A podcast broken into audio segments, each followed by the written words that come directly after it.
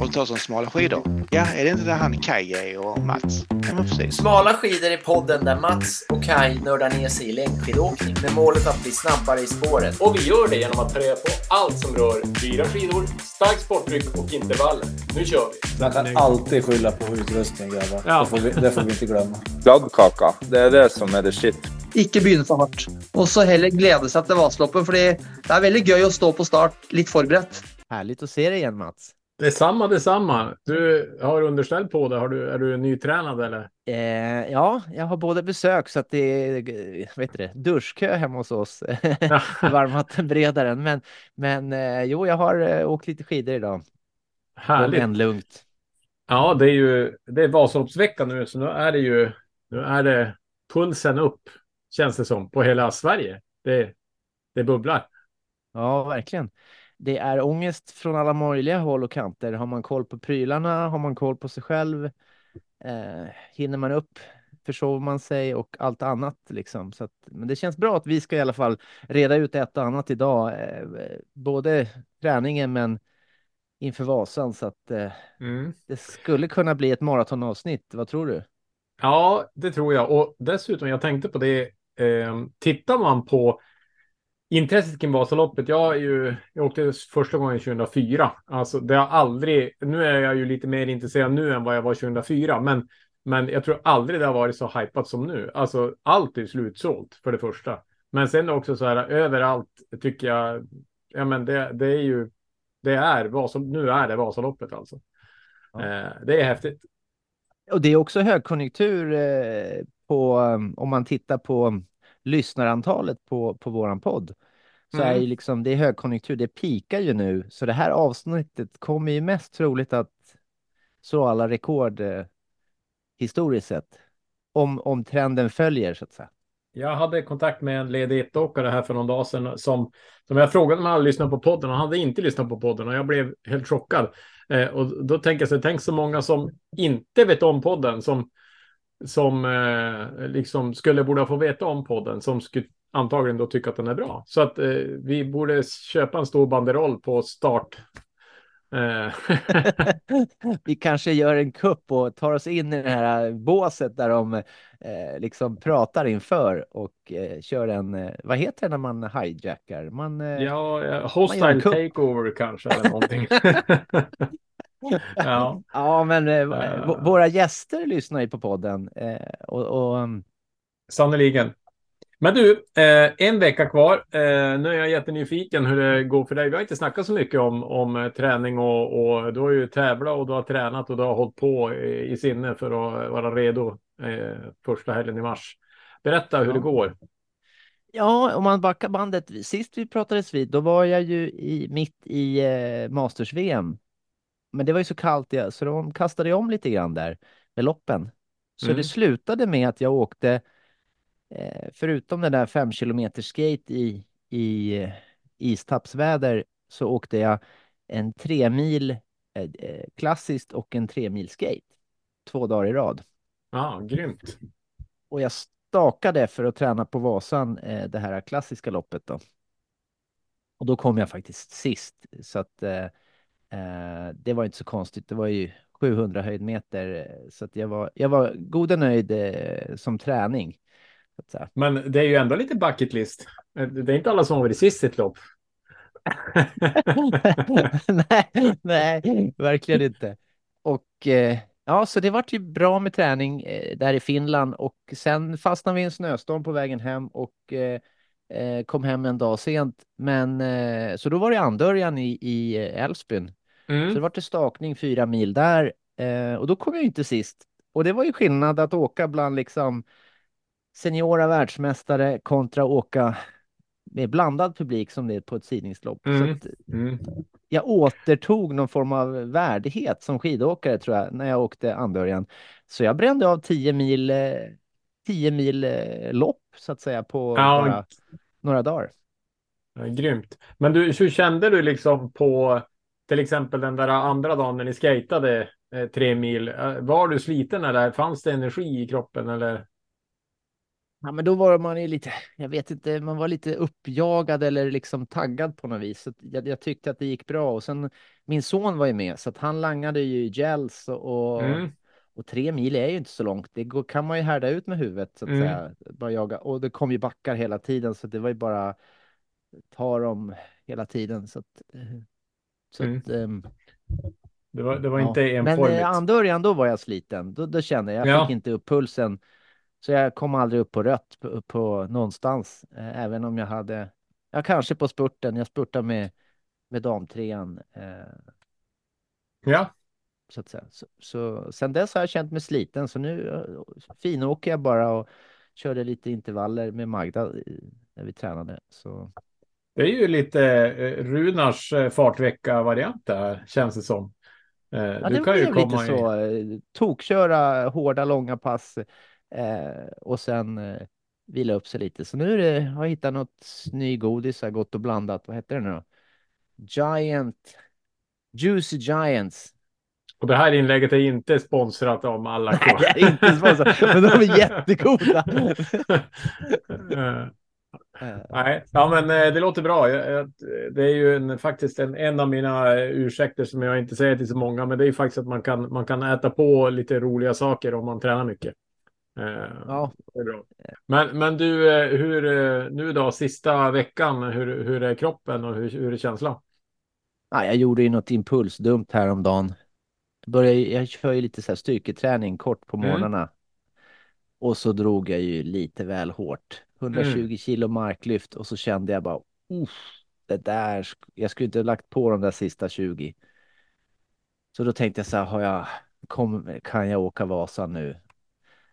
Och sen så ehm, har, jag, har jag pendlat mellan, har jag skadat mig eller har jag träningsvärk liksom? Mm. Ehm, men eh, jag, vart- jag, jag var ska på drog? massage imorgon och jag har gjort några övningar. Eh, så att jag tror att det ska gå, men jag, jag känner mig lite öm i, i, i kroppen. Så att säga. Vart var det det, det, drog då? Ja, Alltså, vad- fästet i, i muskelfästena i överdelen av röven och ja, det man gör med marklyft när man ska liksom. Men jag tror, ja, jag, jag kan inte sånt där, men jag Nej. tänkte att det nöp ihop lite väl mycket. Eh, Ja, Men jag fick din in, där i, grejerna. men- inventerade röv. ja, precis. Den där inventerade röven. Den. Eh, ja, men ibland gör jag sådär. Jag vet inte om du känner igen det, men att man liksom man tänker sig inte för och så gör man något dumt som man sen efteråt tänkte att ja, men det var ju klart att jag Mm. inte skulle gjort sådär. Ja, nej, jag fattar precis. Jag, jag, jag har inte gjort precis det där, men jag förstår känslan ganska tydligt. Eh, Vissa impulsköper prylar. Jag, jag eh, impulslyfter grejer som man Mm. skadar sig liksom. mm.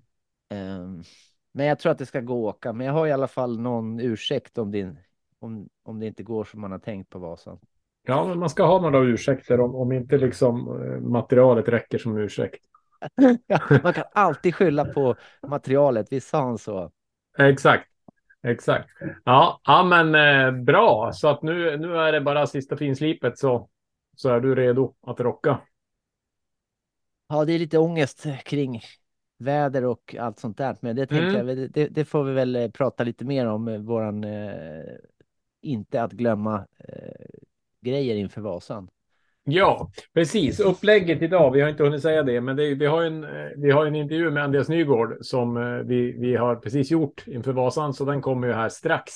Eh, och så sen kör vi lite eh, utsnack mot Vasaloppet eh, efteråt, helt enkelt.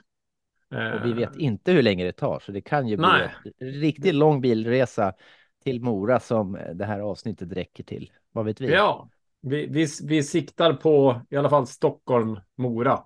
Eh, eller något sånt. ja precis. I full fart. Ja. Piteå Men- till Mora, men- det är tufft. Åtta timmars Ja, avsnitt. Mora, det är tufft. Men, men Mm. eh, är din träning då, sista, eh, sista tiden, hur går det med den? Ja, alltså det är ju, det har varit en av mina mest ångestfyllda månader den här månaden efter Marcialonga. Eh, jag tror att, eller jag vet att jag nämnde att jag ramlade i Marcialonga och fick en italienare i min sida. Eh, och jag har ju gått hos Ville och eh, som då fysio och eh, han har ju varit inne på att det har varit en mjukskada därför att det har varit svullet och det har varit lite blått och så där. Så att han, han har, vi har som haft ett program och jag har trott på det så att jag har liksom känt så här yes. Och det har känt ganska bra när jag har övat, men inte helt bra. Och så sen då för, eh, ja det var ju precis före helgen måste det ha varit, en måndag idag, ja. Eh, Då, då tänkte jag så här, men jag måste ändå, jag, jag känner att det, det blir inte nog bra. Så jag var hos Lisen då som är naprapat då. Och då sätter hon händerna i sidan på mig, alltså en på varje sida under armarna, lite, ja, där revbenen är. Och så trycker hon ihop lite grann så här. Och då bara så här, du vet, man hoppar upp som en katt så här. Och då Ja. säger hon att, ja, jag är ledsen, men du har en spricka. Det tog typ en sekund. Eh, hon var som 100% säker. Eh, och hon sa att du kan åka Vasaloppet, men du kommer åka med mycket smärta och du kommer inte göra något pers. Eh, Det är liksom, det, det kan jag säga redan nu, för det är åtta veckors lägtid typ på en, eh, alltså på en spricka i bästa fall. Eh, så då, ja, då, då, och då hade hon då ett tips att det finns i Sjunäs finns det en eh, typ en veterinär, så- alltså en hundveterinär som har laser som är för djur som man då kan köra mot sprickor. Eh, och man kör det varannan dag då.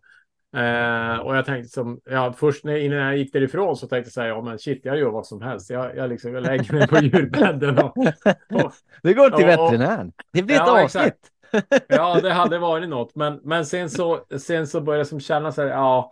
eh, Det, och hon sa att det är ju ändå så här 50-50 att det eh, kommer att liksom gå. Och, ja, så, så att nej, jag, jag, då tog jag där och då faktiskt på kvällen beslutet att jag, jag får tyvärr ställa in då. Vasaloppet. Eh, så att i hysterin så var det inte svårt att sälja biljetten. Eh, och, för jag ska åka ner och liksom heja på er som åker och, och ah, se kanske Emil Persson och Andreas Nygård spurta om segern och, och liksom vara med på den där sidan som jag aldrig varit med om förut. Eh, i, i. Så det, det kan ju, ja, jag, jag får göra det till det roligaste som går. Men eh, om vi bara ska avklara min träning som har varit lite intressant då, för att jag kan ju åka skidor, men jag kan inte liksom trycka på. Jag kan inte dunka, men jag kan åka och då har jag åkt tillsammans med Thomas bland annat, med lite så här också, väldigt många A1-pass som är superlugna. Eh, och det är en ny upplevelse. Jag inser att jag, jag, liksom, jag åker nog kanske alla A1-pass lite för hårt. Alltså, tänk om vi tänker kilometer i timmen Det så. kommer du på nu. Vem har tjatat om att eh, alla som vi tränar med åker för hårt? Ja, nej men alltså, eh, tänk att, eh, alltså, det är inte alltid man gör det, men ett A1-pass för mig, säg att det går 15 kilometer i timmen ungefär, ofta, kring där. Ja. Jag tror det gör det för dig också, ungefär sådär. Eller 13 om det är lite sämre för och sådär. Nu första passet jag körde, då gick det 10 kilometer i timmen. Alltså, vi gick i backarna och vi liksom åkte lugnt och när man då har kört två timmar, man är ju inte trött alls. Alltså, men pulsen har varit kanske 120 eller alltså, och man liksom kunde njuta av eh, miljön, man kunde titta upp, man kunde. Eh, och jag har En kört. ny eh, upplevelse låter det som. Ja, men eh, jag tänkte ändå att ja, men så här kan ju ett A1-pass också. Alltså att man verkligen, verkligen tar det lugnt. Jag tror inte att man bara ska åka så, men det var ändå, det var ändå kul. Sen då, för att nu har jag ju mitt, mitt nya mål är ju då. Jag, jag är inne på att köra Dundret runt som är 6 april. Det tror jag att jag kan bli frisk till. Och då, om jag kan hålla formen, då skulle jag kunna sida för nästa års Vasalopp. För det är loppet sidar för 2025 som jag då har anmält mig till. Eh, och det hade varit grymt skönt att, att göra en bra sidning eh, så att man liksom har gjort bort det redan nu. Du har redan anmält dig alltså? Ja, absolut. Det gjorde jag dagen innan eh, det släpptes öppet. Det är ju, nu, Mm. är- eh, jag vet inte om det är slutsålt Kaj, men du kan ju hamna i trubbel igen här. ja. Eh, Nej, men så att då det jag gör då för att kunna köra hårda pass med en spricka, det är ju att köra Swift. Eh, så jag har kört Swift-intervaller nästan varannan dag, ganska hårt. Eh, och det är ju faktiskt riktigt, Det är den där kul. cykeldatorn. Ja, exakt. Eh, cyk- Cykel-tv-spelet. Mhm. Så att eh, så min träning har varit superlugna pass med njutning, stenhårda pass med, med liksom eh, pölar av svett i garage eller i mitt träningsrum just ute i garaget. Mm. Det, det är mm. så jag har hållit sju timmar ungefär eh, fortsatt, eh, men, men en annorlunda träningsupplägg. Så det är väl det. Men du, eh, ska vi sluta prata oss och börja prata Andreas Nygård då kanske? Ja, precis. Eh, behöver vi säga någonting innan? Eh, Ah, Ja, alltså, eh, jag vet han är från att jag Norge. Han är Han är väldigt från bra Norge. på skidor. Han är väldigt bra på skidor. Han har, eh, jag tror han har 36 pallplatser varav 18 segrar. Det vill säga varannan gång han är på pallen så vinner han. Så han är ju rätt duktig på att vinna. Eh, Och eh, han har vunnit Nordenskiöld tre gånger. Eh, det är ju respekt. Och det eh, kan man ju faktiskt lyssna efter, för du hinner ju förolämpa honom under intervjun. Eh, eh, kan jag då tycka. Ja. så, så att eh, Ja, den jag som är- gillar sånt eh, kan, kan Ja. lyssna efter en speciell grej här. Eh, Ja, exakt. Och jag, jag skämdes lite där för att jag brukar ändå göra min research, det vet ju du. Så att jag hade, jag hade inte gjort den 100 procent. Ja, det kan man lyssna efter. Men, men, nej, men jag, jag vet att när jag lyssnar på Vasapodden och även innan vi startade vår egen podd så de, de brukar ju få frågor och så här önskemål. Jag vet att de har sagt några gånger att många har önskat Andreas Nygård som gäst.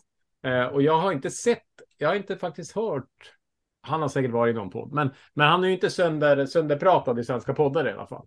Så Nej. att eh, det var kul att få till en intervju och det var, det var ju, eh, vad, vad heter han, Aukland som, som eh, förmedlade kontakten. För att jag, jag fick inte tag i honom själv. Eh, Jag var väl inte nog eh, bundet med honom. Så att det var ju lite, lite coolt eh, att han kunde hjälpa till att förmedla kontakten. Så att, ja, men eh, Ja, och det här då, det här är ju inte din topp tre intervju. Det tycker jag inte, utan det här, det här måste vara ett riktigt guld. För jag njöt när jag lyssnade på det här, för jag har ju tjuvlyssnat. Så att jag hoppas att ni som lyssnar på det här eh, njuter också. Ett riktigt bra samtal tycker jag. ja, tack för det. Eh, vi, vi kör. Det gör vi. Då hälsar vi välkommen till Andreas Nygård till podden Smala skidor. Ja, tack, tack. Det är stort att bli inviterad på svensk eh, podcast. ja, ja, men det är kul. Eh, Vi får hoppas att jag, att jag förstår språket, men det har ju gått bra förr så det ska säkert gå bra. Får, får börja med att gratulera till eh, framgångarna för teamet och dig i Orsa. Det var en stark helg för er. Ja, jo tack. Det, det var, jag var väldigt fornøyd med speciellt lördagen och ja, laget med ja, Kasper som kan gå på vannet om dagen och, og Johan som er sikker som banken. Det är, inte, det er ikke, så många lag som har eh, uh, trippelseire i Ski Classics de siste åren, men uh, det har nog skett någon gång, men uh, det sker inte så ofta, så det var ju en fantastisk helg, så det kan ju bara gå nedover härifrån. Hade ni inte också en trippel tidigt på säsongen? va? Jo, vi ja. hade, vi hade Venosta för jul, så det liknar ju kanske lite på, fall den avslutningen som var i Venosta var ganska lik den som var nu, så, så det är tydligtvis något som vi får till bra då. Hur är det förresten eget med, jag tänker med din axelskada, är den eh, eller liksom, är du nöjd med kroppen eller är det fortfarande sviter från, från den? Ja, nu i helgen var första gången jag inte hade ont i den när jag stakade, så det går ju framåt, men eh, hade jag varit vänsterhänt handbollsspelare så hade jag nog eh, mått eh, ja, om inte lagt upp så hade hade nog haft mer att säga. Heldigvis är det mycket som kan sörja för att skuldra är ganska stabila när du stakar. Så det, det blir bättre och bättre. Så det är Mm. bra. Det är jag förnöjd med. Ja, kul. Nej, Jag har själv, jag ska ju åka Vasaloppet på en helt annan nivå än du och jag har Eh, jag ramlade på Marcialonga så jag har lite ont i revben så jag, jag funderar mycket så här om, om hur mycket man ska eh, chansa att åka med smärta och så där. Så jag är själv i de här funderingarna. Men, men eh, du, du är antagligen van att åka med smärta, eh, tänker jag. Som, eh, att det då och då är skavanker som man får leva med. Jo, lite så är det, men samtidigt så tror jag de flesta nog inte har ont någon plats. Alltså det kan vara ting du känner på här och där, men smärta är ju ganska prestationshämmande. Så jag tror Mm. nog, eh, jag vet bara med mig själv och den på laget, jag tror nog de flesta har lite ont eh, i den förstånd att här är något galt, men du har kanske lite småont här och där som kan vara att du är lite stö eller att du är lite sån, Mm. ja, sådana typer av ting. Men det att ha ont det är nog inte det så många som har tror jag inte. Nej, Nej men det, det kan nog stämma. Det, det är nog mer små skavanker som kan eh, också när man har åkt ett tag kan det komma att man får känningar i ryggen eller sådär. Ja. Jag tänkte, jag var bara nyfiken. Har du lyssnat något på smala skidor eh, tidigare? Jag, må, jag måste höra, jag har hört en episod med Runar eh, Mathisen. Ja, just det. Så den har jag hört. Så jag måste ju få med mig det. Det var ju helt rått det han gjorde där. Så, eh, Ja. ja, så jag har hört lite men inte mycket. Det har jag inte. Så ärligt ska jag vara. Nej, men det finns 70-80 avsnitt att lyssna tillbaka på när du kör Ja, långpassen sen. Så. Ja, det är bra. Nej, men jag ska säga vårt syfte med podden i alla fall. Det är jag och en kompis Kai som driver den och vårt syfte är egentligen att bli snabbare på längdskidor. Så att våra frågor som vi ställer handlar ganska mycket om hur vi kan lära oss av er som är de bästa inom sporten. Så Mm. det, det, det är vårt syfte. Eh, och jag tänkte höra, eh, dels, du har ju 38 pallplatser och 18 segrar, så du, man får ju säga att du är en av de bästa just nu. Men också något som jag tycker är intressant med det är ju att du, vad jag förstår så läser du läkare, eh, eller är mitt uppe i, en, eh, i studier. Och många av våra lyssnare, precis som jag, vi har ju jobb vid sidan om. Jag tänker så här, hur, när du, nu vet jag att du har haft studieuppehåll ibland, så här, men när du har mycket i livet vid sidan om, hur hanterar du liksom träning och plugg till exempel? Alltså hur, hur, hur får du det att funka så pass bra som, du, som det gör? Ja, akkurat nå så har studerer jeg jo ikke. fordi at jeg skulle, I fjor skulle jeg vel ut i femteårs, på femteåret på, på studiet. og Der hvor jeg studerer i Tromsø, så er det nesten 30 uker med vanlig jobb 8 til 4, og så skriver du en masteroppgave resten av året. Så det, det blir litt for heftig.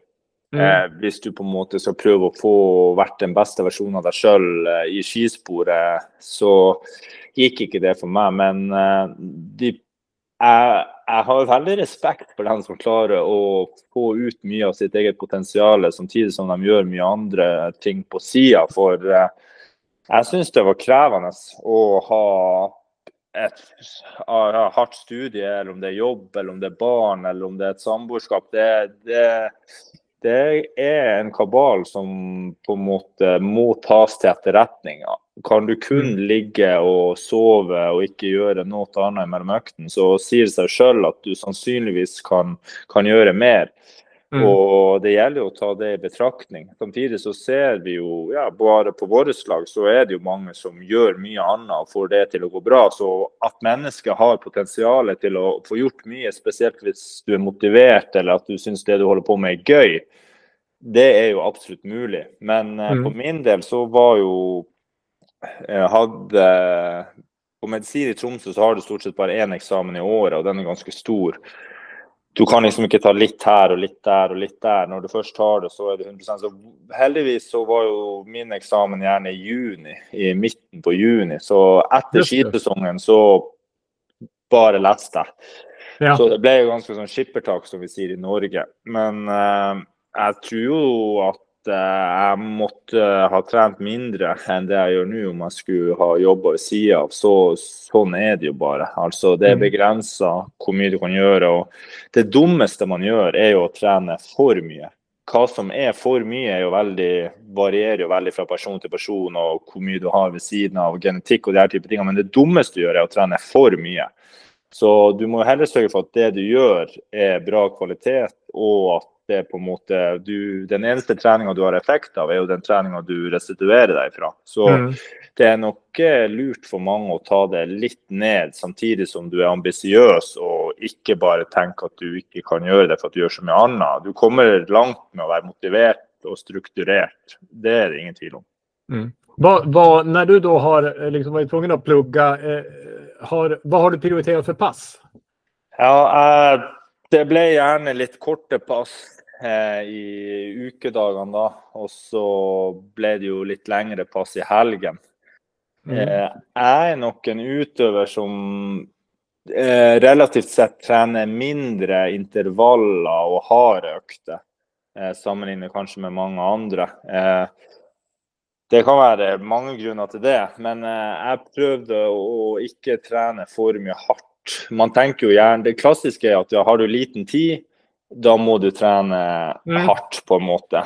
At det er det som er mest effektivt. Og det tror jeg gjelder kanskje for de fleste. Men jeg kjørte ganske Jeg kunne kjøre én time på morgenen på Skiergen før frokost. Og så for jeg på skolen og var til fire. Og så trente jeg kanskje halvannen time, to timer rolig distansepass på ettermiddagen. Og så gjorde jeg det. Hadde jeg kanskje én dag i uka hvor jeg ikke hadde en intervall. Det kunne være løping eller skierg. Og så det kunne være fire ganger 15 minutter eller åtte ganger åtte minutter eller sånne type ting hvor du begynner kontrollert og avslutter litt ukontrollert. Og så i helgen så prøvde jeg å få en skikkelig bra hardøkt på lørdag og en god langtur på søndag. Eh, sånn kunne f.eks. det være. Og så Jeg har jo alltid vært på samling en uke i måneden hele året uansett, så da får du jo også en boost der, da. Eh, så eh, jeg prøvde å på en måte være litt taktisk i ukedagene og så uten til helgen, da. For jeg har jo ikke barn og ikke egentlig noen andre jeg trenger å forholde meg til. Nå har jeg en forlovede, da, men hun skjønte tidlig at jeg måtte få trent hvis det Mhm. skulle være noe god stemning uansett. Så ja, så da er det jo litt greiere. Men det var i hvert fall sånn jeg tenkte. Men är det, jag tänker när du kör intervaller, är det då, då försöker du hålla någonstans kring tröskel och inte gå för mycket på rött? Det är det du menar, att du inte kör för hårda intervaller? Ja, det är liksom Spesielt på de konkurransene jeg ønsker å prestere på, så har jeg fått mindre og mindre trua på å gå i rødt og gå så ekstremt hardt.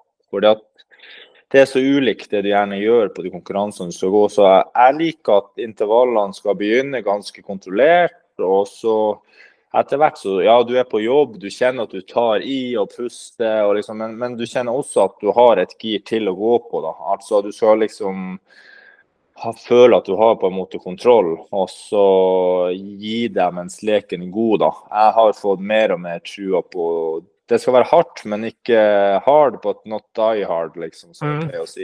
Det er liksom Jeg er blitt mer og mer av den oppfatninga at det, det er godt nok, det. Mm. Jag fick känsla, jag fick en liten tankeställare när jag lyssnade på Rune, för han pratade mycket om det här att bygga överskott.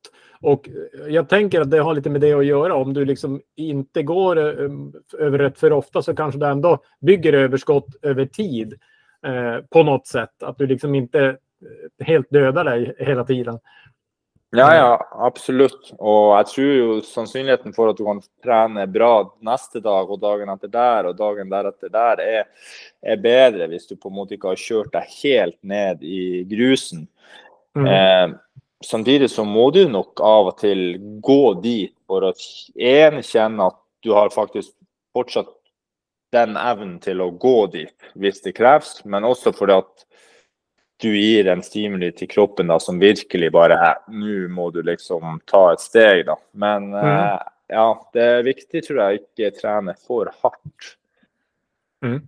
Jag tänkte på, det snackas så mycket om mer och mer timmar i träning och må- många pratar. Och jag, jag har, jag, när jag läst på lite grann om dig så får jag känslan av att du ändå kanske inte är den som jagar mest timmar utan att du försöker fokusera. Har du liksom upptäckt att du har en gräns eller hur har du liksom kommit fram till din träningsfilosofi när det gäller just volym? Ja, eh, ja, det er nok en del utøvere som trener mer timer. Eh, jeg har prøvd Altså, jeg har levd et liv som har tillatt meg å bare trene og bare hvile i ganske mange år. Så, li- Og jeg har vært supermotivert og ga, ganske skadefri, så alt har ligget til rette for at jeg kunne trene mye.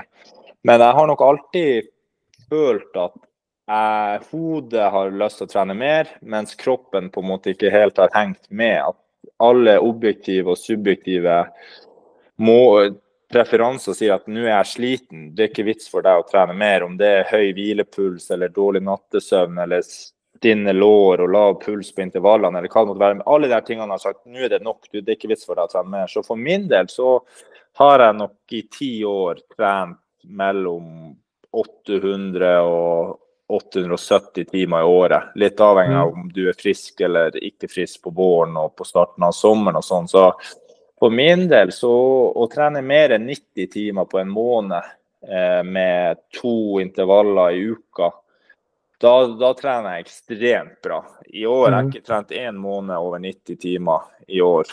Eh, og det er fordi at jeg tror jo faen, jeg tenker mange ganger sånn, men jeg bør jo klare å trene mer. Jeg bør også trene, klare å trene hardere. Fordi at ja, liksom På papiret så burde ikke jeg kjenne det jeg kjenner nå, men så kjenner jeg at nei, det er ikke vits. På en måte begeret er fullt. Og da på en måte, da kommer jo de kjenslene inn. og Jeg har jo vært heldig og vært på lag med mange gode utøvere opp igjennom om det er Anders Aukland eller Johan Olsson eller Tor Asle Gjerdalen eller Mm. hvem det måtte være. Men er det én ting du lærer deg, så er det jo at det er liksom kjenslene som avgjør. Det er ikke det som Mm. står på i treningsdagboka di eller på Training Peaks eller liksom Du må lære, du lærer deg mer og mer å ta inn de her tingene og på måte Ja, men nå er det nok. Nå må jeg hvile. Og nå Mm. kan jeg gasse på. Nå kan jeg slappe av. Og, litt, og så blir timeantallet litt etter ettersom hvordan kroppen har respondert. Sånn har jeg blitt.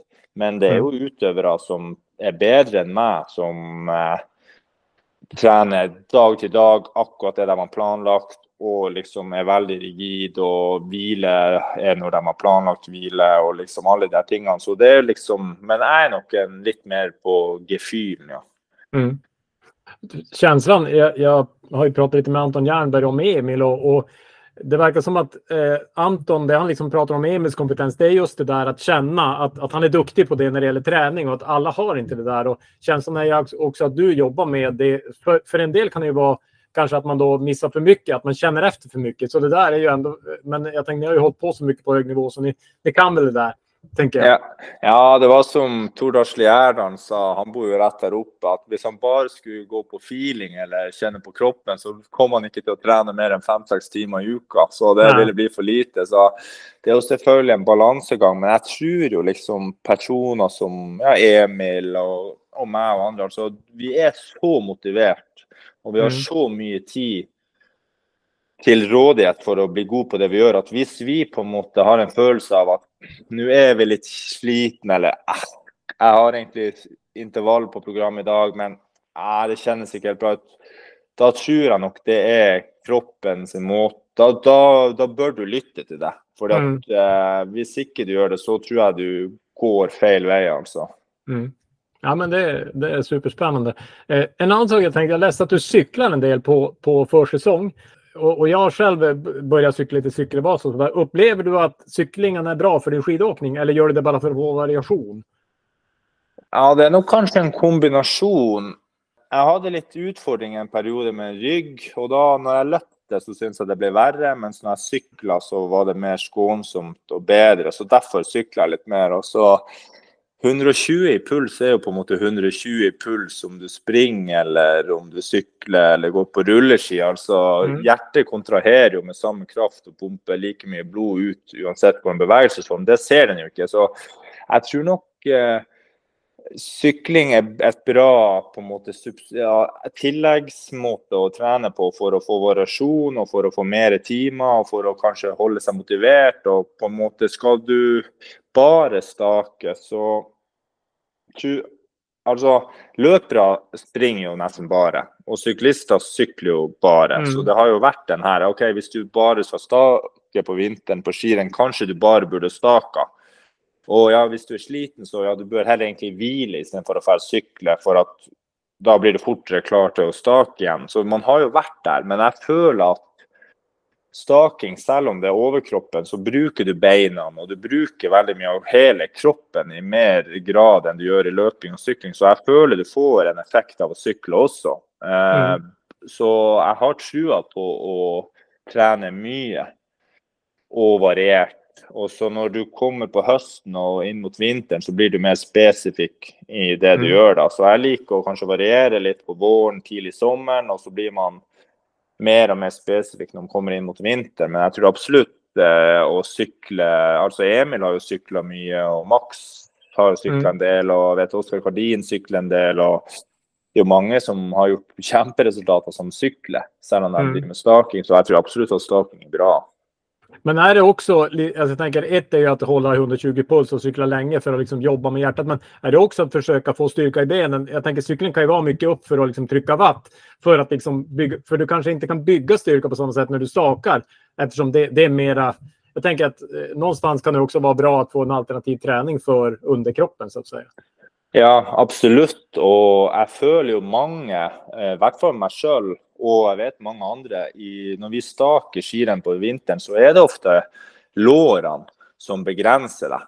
Altså flåset og pusten og sånn er ofte under kontroll. og Når du staker så mye, så du blir egentlig aldri sliten i armene. Eh, du kjenner kanskje at du bruker armene, sånn, men det er ikke det som begrenser deg. De fleste på en måte får en følelse av syre i lårene eller laktat i lårene, eller Mm. at lårene gjør vondt, og det er det som begrenser dem. Så da kan Mm. man jo tenke at ja, å sykle er kanskje bra for å få trene opp nettopp lårene, da.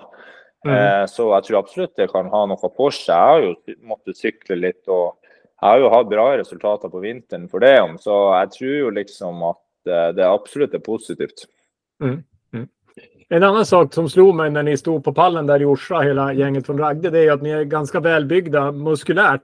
Eh, och jag är lite nyfiken på eh, styrketräning. Hur, hur, hur periodiserar ni styrketräningen på året? När liksom, eh, bygger ni och liksom, hur, hur tänker ni kring periodisering av, av eh, styrketräningen? Ja, ja nå skal ikke jeg utlevere de andre på laget for mye, men den pallen er jo litt artig. fordi at eh, Johan eh, Hoel, da, han trener ingenting styrke. Okej. Eh, jeg trener sånn ganske lite, eh, men la oss si medium. Mens Kasper, han, han trener styrketrening, og han gjør det konsekvent hele året. Og maksstyrketrening. Så vi har liksom ganske forskjellig approach til det her med Ja. styrketrening, eh, vi tre. Men eh, jeg tror nok, la oss si at hvis vi tar meg og Kasper, da, så är det nog det är lite mage-rygg i den förstånd att du tar push, situps och planke och sådana bål, på en matte på ett golv. Det är nog mer mer explosiva, tunga övningar, om det är knäböj eller marklyft eller hangups med vakter eller frivändningar. Det är mer sånt. Och så tror jeg, mm tror jeg de fleste har litt mer på sommeren og høsten enn de har i sesong. For at i sesong så blir det et skirenn, og så kommer det et nytt skirenn, og så reiser du kanskje, og så er det dårlig tilgang på et gym, og så Ja, den der, hele den regla der, da. Eh, så det er nok De fleste trener nok mer styrketrening på høsten enn de gjør på vinteren. Eh, at på vinteren er det mer kanskje vedlikeholdsfokus, og så har du brukt høsten da, til å bygge deg opp.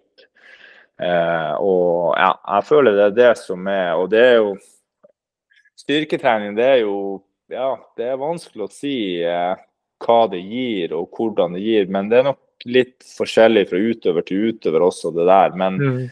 syklister er jo kanskje opptatt av at du kan produsere mer watt på slutten av et sykkelritt hvis du har trent maksstyrke på beina. Og litt sånn har nok kanskje jeg også tenkt i langløp, som på en måte at ja, du får ikke høyere VO2 max, eller du får ikke høyere terskel og sånne type ting. Men kan, kanskje du får en evne til å produsere mer watt på slutten av et løp som da kan avgjøre et løp. Mm. Eh, men samtidig, noen av mine beste sesonger så trente jeg ingenting styrke. Men om det var, gjorde jeg det bra for at jeg ikke trente styrke, eller gjorde jeg det bra for at jeg hadde trent mye styrke årene fram til da, og så ikke trent styrke, liksom. Det är vanskelig. Mm. Ja, jag eh, intervjuade ju Astrid Öjslind för eh, ja, ett tag sedan och då berättade hon att hon under maj, tror jag, när ni har egentligen lite viloperiod, alltså efter säsongen, så byggde hon volym i en månad eh, och så sen underhöll hon det.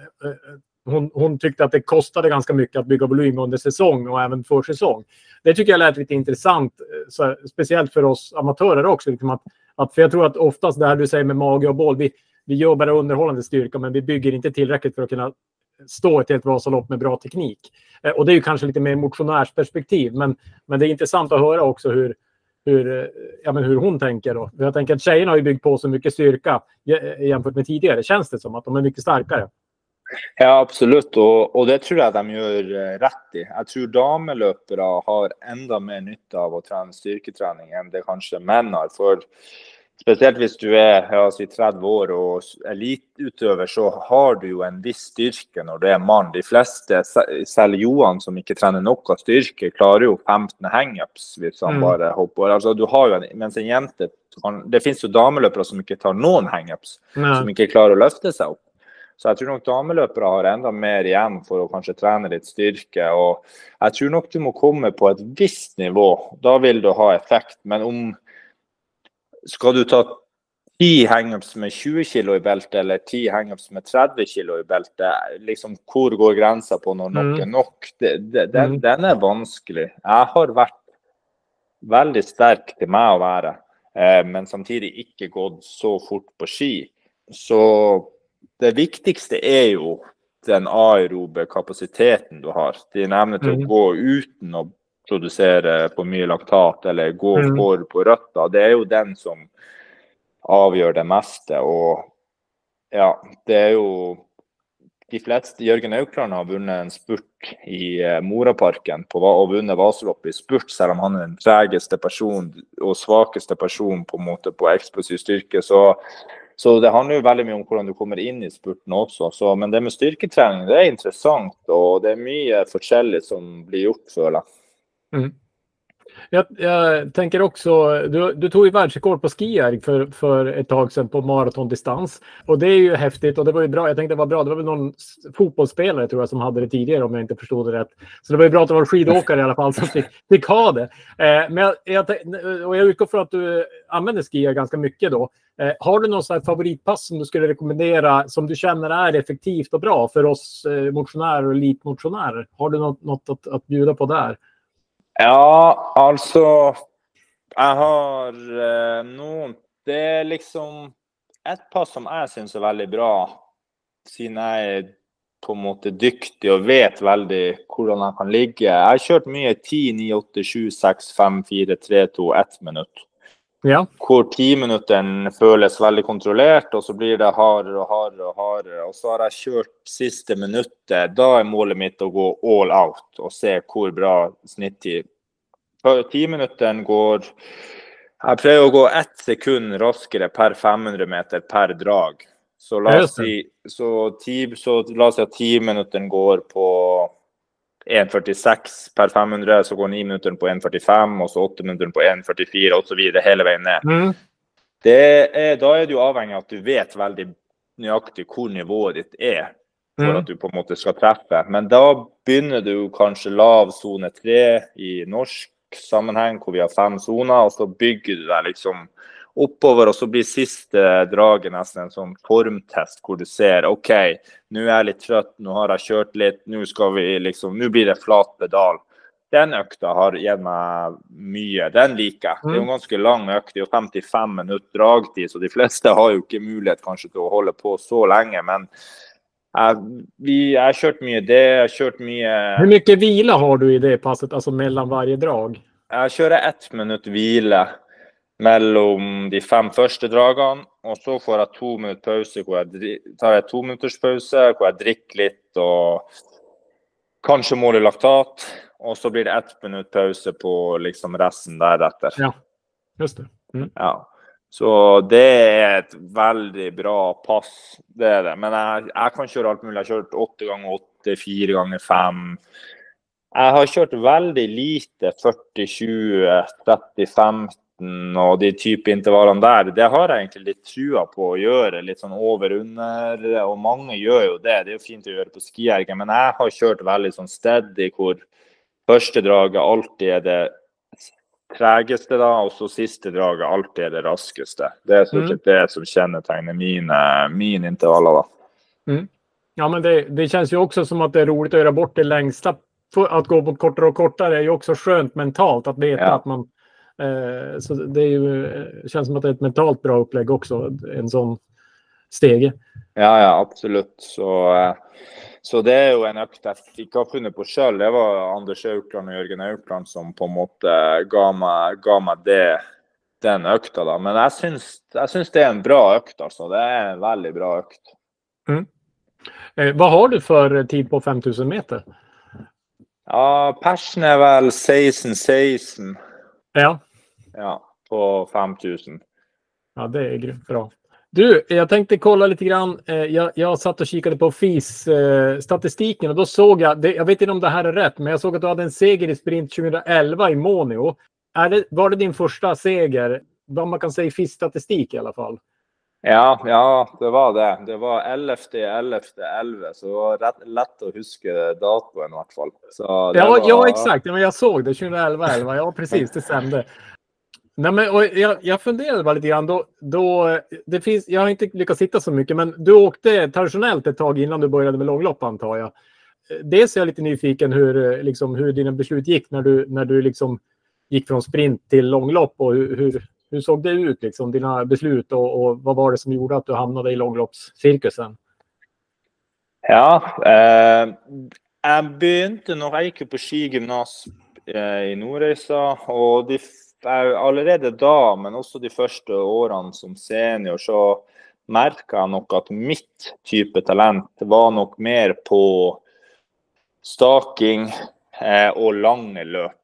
Mhm. Eh, når på en måte beina har ansvaret for eh, framdriften, om det er løping eller sykling eller diagonal eller skøyting, så, så var jeg ganske middelmådig. Altså, jeg fikk det var ofte følelsen av at nei, lårene, beina bare stoppa. og liksom, det, Jeg var ikke noe god på det. Men når vi måtte stake, og gjerne hvis det var langt, så så jeg sammenligna med mange rundt meg at her hadde jeg noe talent som Rett og slett et mer medfødt talent. da. Jeg tror jeg kunne blitt god i tradisjonell langrenn også, men jeg, uansett hvor perfekt jeg hadde trent, så ville jeg aldri kommet på det norske landslaget i langrenn. Jeg ville nok aldri vært topp ti i worldcup i langrenn, bare fordi at det er ikke alle mennesker i verden som har akkurat de egenskapene som skal til for å bli så god. Sånn er det bare.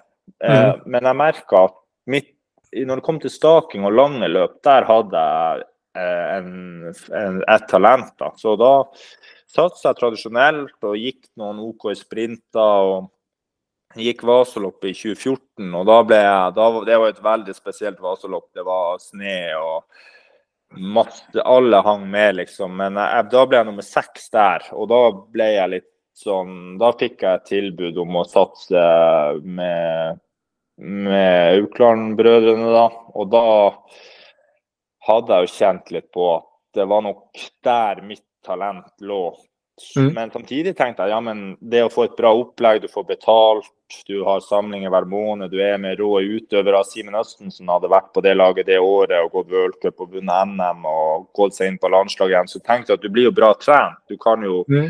fortsatt bli bra. Men så begynte jeg med det, og så ja, ble det jo bedre og bedre for hvert år som gikk. og da, Du blir god på det du trener på, så, så da har det blitt sånn. Og det, for meg så har det vært helt konge. Jeg har vært så fornøyd med Mm. å gå de lange løpene og Vasaloppet som er liksom det største. og Det har gitt meg mye mening i livet. Det har vært helt perfekt. og som sagt, Jeg hadde ikke hatt det talentet som kreves for å, for å gå tradisjonell verdenscup. S- Sånn er det bare. Mitt talent var ikke der. Men å gå, der, når det kommer til staking og den type ting, lange ting, så har jeg nok et talent som gjør sånn at jeg kan ja, leve av å være skiløper. Da. Så det var vel egentlig sånn det ble. Men jag tänker det här 2011-sprinten. Eh, vann du, alltså var du, eh, om man säger, där, du, där du kunde konkurrera var sprint och så sen blev det att du såg ett långlopp? Eller, för jag tänkte, du hade ju, det var ju där det man kunde se i alla fall också i förhållande till dina prestationer. Ja, det var ju det var ju sprint och klassisk först och främst. Jag hade hadde noen OK resultater. altså De fleste har bedre resultater enn det har Mm. som, som junior og, og senior. Men jeg vant U23-NM eh, i sprint klassisk. Og så gikk jeg verdenscup i Drammen, og så hadde jeg et par femmile i det norske mesterskapet hvor jeg var 16 eller 17, tror jeg, da jeg var sånn 21-22 år. Så på en måte, jeg hadde liksom noen OK resultater, men ganske middelmådig hvis du ser hvordan resultater folk som fortsatt satser på ski, har hatt. De fleste har hatt eh, et eller annet resultat som er ganske rått. da. Men da ble det bare at eh, ja, det ble langløp da, og der Mm. gjorde jeg det jo mye bedre. Og det, det, det visste jeg kanskje. Jeg er en ganske stor utøver, en ganske tung utøver, og i langløp så har du mye mer et jevnt dra. Du har bakkene eller du, du, du har ikke så mye av og på med akselerasjoner og masse som må komme i gang og stoppe og starte og stoppe. og Det går på litt lavere intensitet, og så er det gjerne en spurt på slutten. Eh, så Mhm. min, min, jeg har jo alltid vært ganske god å spurte på slutten av et løp. Men jeg er ikke spesielt rask. På laget vårt så er de fleste knuser meg på hurtighetsdrag, men jeg har hatt en evne til å kunne gå fort på slutten av løpet, da, og det har jo passa bra. Så jeg har jo alltid hatt fokus på å være med inn, da. Altså bli sterkere i bakka, få bedre kapasitet har liksom vært mitt, mitt fokus hele veien. da. Ja, det kan man ju se. Då, om det, det är inte säkert att jag har helt rätt, men om du har 38 pallplatser och 18 segrar så är ju hälften segrar av pallplatserna. Det måste ju vara ett tecken på att du vinner mycket spurter ändå.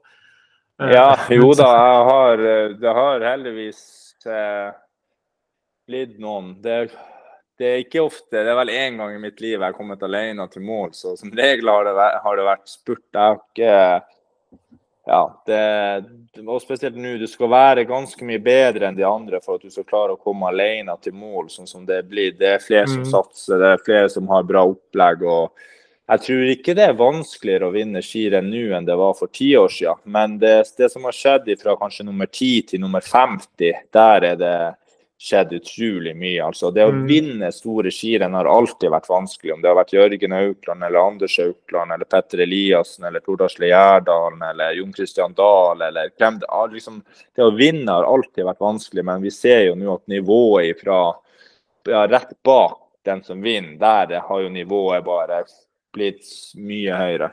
Mm. Mm. Men har du, jag tänker eh, sprintkvaliteterna som då är väldigt viktiga. Och det känns också som att Ragde är speciellt bra på att komma på slutet. Alltså eh, att ni som team är duktiga på sista kilometern. Eh, eh, jobbar ni specifikt med sprint, liksom med, alltså, är eller är ni bara bra? Eh, jeg tror Kasper, for eksempel, han er bare bra. Altså, Ja. Han har vært raskest i landet på en måte i sin år- årsklasse siden han var liten gutt. Han, har, han er veldig eksplosiv, Mm. veldig rask. Eh, jeg er nok en mer sånn mellomting. Jeg er ganske, jeg er ganske rask, men jeg det må, jeg, For et hurtighetsdrag når folk er uthvilt, så er det veldig mange som slår meg. Eh, så jeg måtte på en måte kanskje fokusert på det og trent enda mer på det. Kasper har selvfølgelig trent på det også, men han er mye mer medfødt rask enn det er. Og så Mm. prøver vi å spurte på samlinger og legge opp økter hvor man på en måte gjør det, men det er nok sånn at noen er bare gode på slutten. Eh, litt medfødt. Og så kan du selvfølgelig, Vi har jo sett eksempler på løpere. Martin Jonsrud Sundby eksempel, var ganske voksen før han Han tok jo veldig stort steg når han var rundt 30 år, så du kan jo absolutt trene på en måte som gjør sånn at du presterer bedre på en avslutning. Så det er jo fullt mulig. Men vi ser jo, som sagt, som jeg sa i sted, og det å komme alene til mål, det er nesten umulig. Så uansett om, du, om det er for seieren eller femteplass eller tjuendeplass, så er det veldig stor sannsynlighet for at du, det er noen andre som er rett rundt deg, som du må slå. Og da, Mm. da bør du jo på en måte ha trent på å skape mye trykk på slutten av et løp. Da, for at du er som regel alltid i en spurt. Så det, bør, det tror jeg vi bare blir oss. Emil jo kjemperask. Mm. Jeg er ganske rask, og Kasper er veldig rask. Og de løperne som vinner skirenn nå, de, de fleste er veldig gode på slutten av et løp også, Mm. samtidig som de er veldig sterke ellers i løpet. Mens før, med Petter Eliassen og Tord og Anders, og sånn, så kunne de kanskje komme alene til mål mye oftere. Mens den tida er nok litt forbi, tror jeg. Ja, intressant. Jag, jag, eh, på tal om Astrid Lind och mitt samtal med henne, så hon sa ju också där, men äldre, när man blir äldre så kan du ju tänka sig då att det är svårare att åka snabbt. Men hon menar som på att eh, spurterna är inte så snabba egentligen, alltså om du jämför med sprint, utan det är mer att liksom bara få ihop tekniken i den farten och det är inte så svårt om än du skulle vara 45 år gammal. Alltså det går att göra.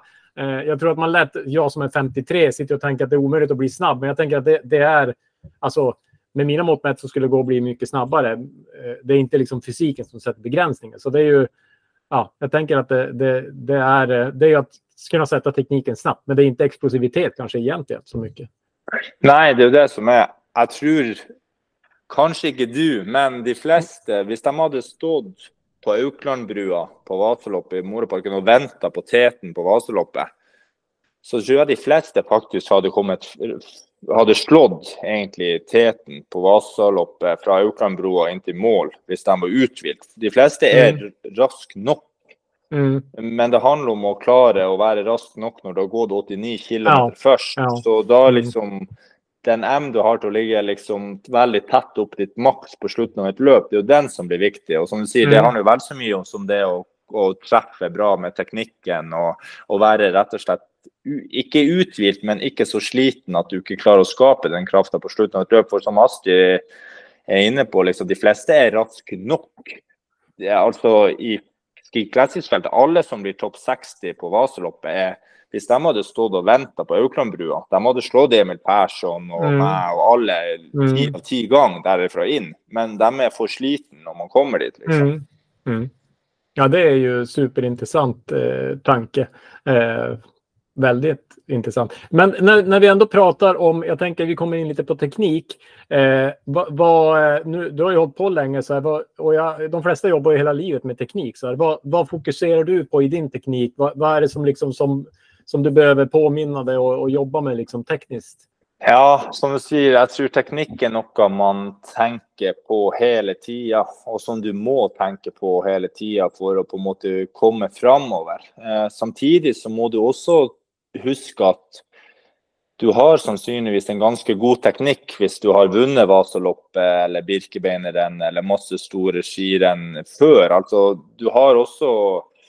Du måste inte glömma det. Og, og ting går mye på autopilot, men det klassiske er jo at du klarer å ligge i fall. At du ikke røyser deg for I starten av karrieren min så røyste jeg meg veldig mye opp med overkroppen mellom hvert tak. Så da var det mye å jobbe med liksom mer å ligge jevnt på hele veien sånn. Og så var det kanskje mer at hvordan vinkel hadde du i albueleddet idet du satte staven ned? Og om du på en måte var lang i flaten og er kort i bakkene. Og så kanskje tenker du mer på hvordan du kommer opp. Hvor starter du trykket? Starter det i fotene, og så går det gjennom, og så hofta, og så kommer du på med overkroppen. Altså, jo lenger du holder på, jo på en måte mindre, mindre nyanser blir det. Men Mm. vi tenker jo hele tida på teknikk, men det är ofte sånn at når du är i form och du har varit frisk länge och skadefri länge, - och tränat väldigt bra länge, så står du, bedre står du teknisk bedre i et løp. Mens hvis du är lite ute av form, så kommer du inte ordentlig upp. Du kommer inte mellom stavene. Du blir sittande i backen. Du liksom Så det hänger också lite samman med med hvordan din fysiska form är. Absolut, absolut. Men eh, vi ser ju att enkelte løpere er veldig eksempel strak i beina. Eh, Mm. Før så var det kanskje en tanke om Hvis du ser Klæbo når han går en sprint, så er jo hans ankel-knevinkel er jo veldig sånn at han har veldig svikt i knærne. Og liksom Mm. knærne er veldig spiss, og så har du leggen liksom Men du kan jo ikke gå sånn på Vasaloppet, for det koster for mye. Det er liksom Nei, det. ikke energisnålt nok. Og så kan du se Emil, for eksempel. Han er veldig strak gjerne i beina. Han har lite at han bøyer knærne. Ja, men han har samtidig veldig høy hofte og står veldig bra på. Så liksom det er, det er noen ting som går igjen, og så er det alltid sånn at det er litt forskjell på teknikk. Sånn er det bare. Og så er det noen grunnting som må være på plass. Eh, sånn er det jo. Men du ser jo at folk går litt forskjellig, men de går ganske nøyaktig i samme fart, på en måte. Så det er jo litt individuelt, det der. Mm. En, en sak jag noterade i Orsa satt att tänkte på att det, min känsla, men det här kan vara helt fel, men att man inte går upp lika mycket eh, med hälen. Alltså att man inte lyfter hälen lika mycket. För att, det känns som att det är för att spara lite energi. Förr var det mycket att många studsade upp och ner jättemycket med hälen. Men att man, man många tycker att det såg ut som att man tidsspurt och så, men, men att man ligger kvar ganska alltså med fötterna. Och det är ju kanske för att man har rörlighet. Har du, har, är det något som ni har reflekterat över? Just det där att man förr känns som att man var väldigt högt upp med hälen, men att den har gått ner lite grann, eller? Ja, absolutt. Og det med å komme opp på tå eller løfte hælen, det jo noe Jo fortere du går, jo oftere kommer denne høye hælen, på en måte. Liksom, det var helt ekstremt med Bjørn Lind i OL i Torino, liksom. Det var kanskje der, da var det på topp, og så ser du nå at folk de ikke på hælene, men hælene løftes nesten ikke fra bakken. Og, og det tror jeg er som du sier, at det koster veldig mye å gå på den måten. Det, det er ikke energisnålt nok. og det at hælen kommer opp, skal jo egentlig være et resultat av at du har høy hofte og ligger veldig bra på med overkroppen. For du skal jo ikke ta en tåhev. Du skal, det skal egentlig bare være et resultat på at du er i et fall framover og på en måte Mm. kommer godt over. Så ja, absolutt. Det, er- det är ikke så mye høye hæl igjen. Nej. Nej, men det, och jag tror speciellt vi amatörer eh, gör helt fel. Alltså att vi håller på att studsa upp och ner eh, istället för att komma oss framåt med det där. Så jag tror, jag tror det är väl ett tips till en själv bara att försöka eh, istället få kraften på ett annat sätt. Då. Ja. Du, jag tänkte på Magnar, eh, teamchef. Man kan gilla han. Han känns lugn och, och liksom så här. hur- Kan du berätta, hur är han med teamet? Vi ser ju han i tv-intervjuer ibland, men han känns ju helt, helt uh, underbar måste man ju säga. Alltså, kan du inte berätta lite om hur, hur han är med i teamet och vad han betyder för teamet och så? Ja, Magnar han är helt uh, rå. Han är ovärderlig uh, eh, för teamet. Utan han så hade nog mycket ramlat i grus. Och han är fantastisk eh, bra medmenneske, først og fremst. Han er veldig varm og god, rettferdig person.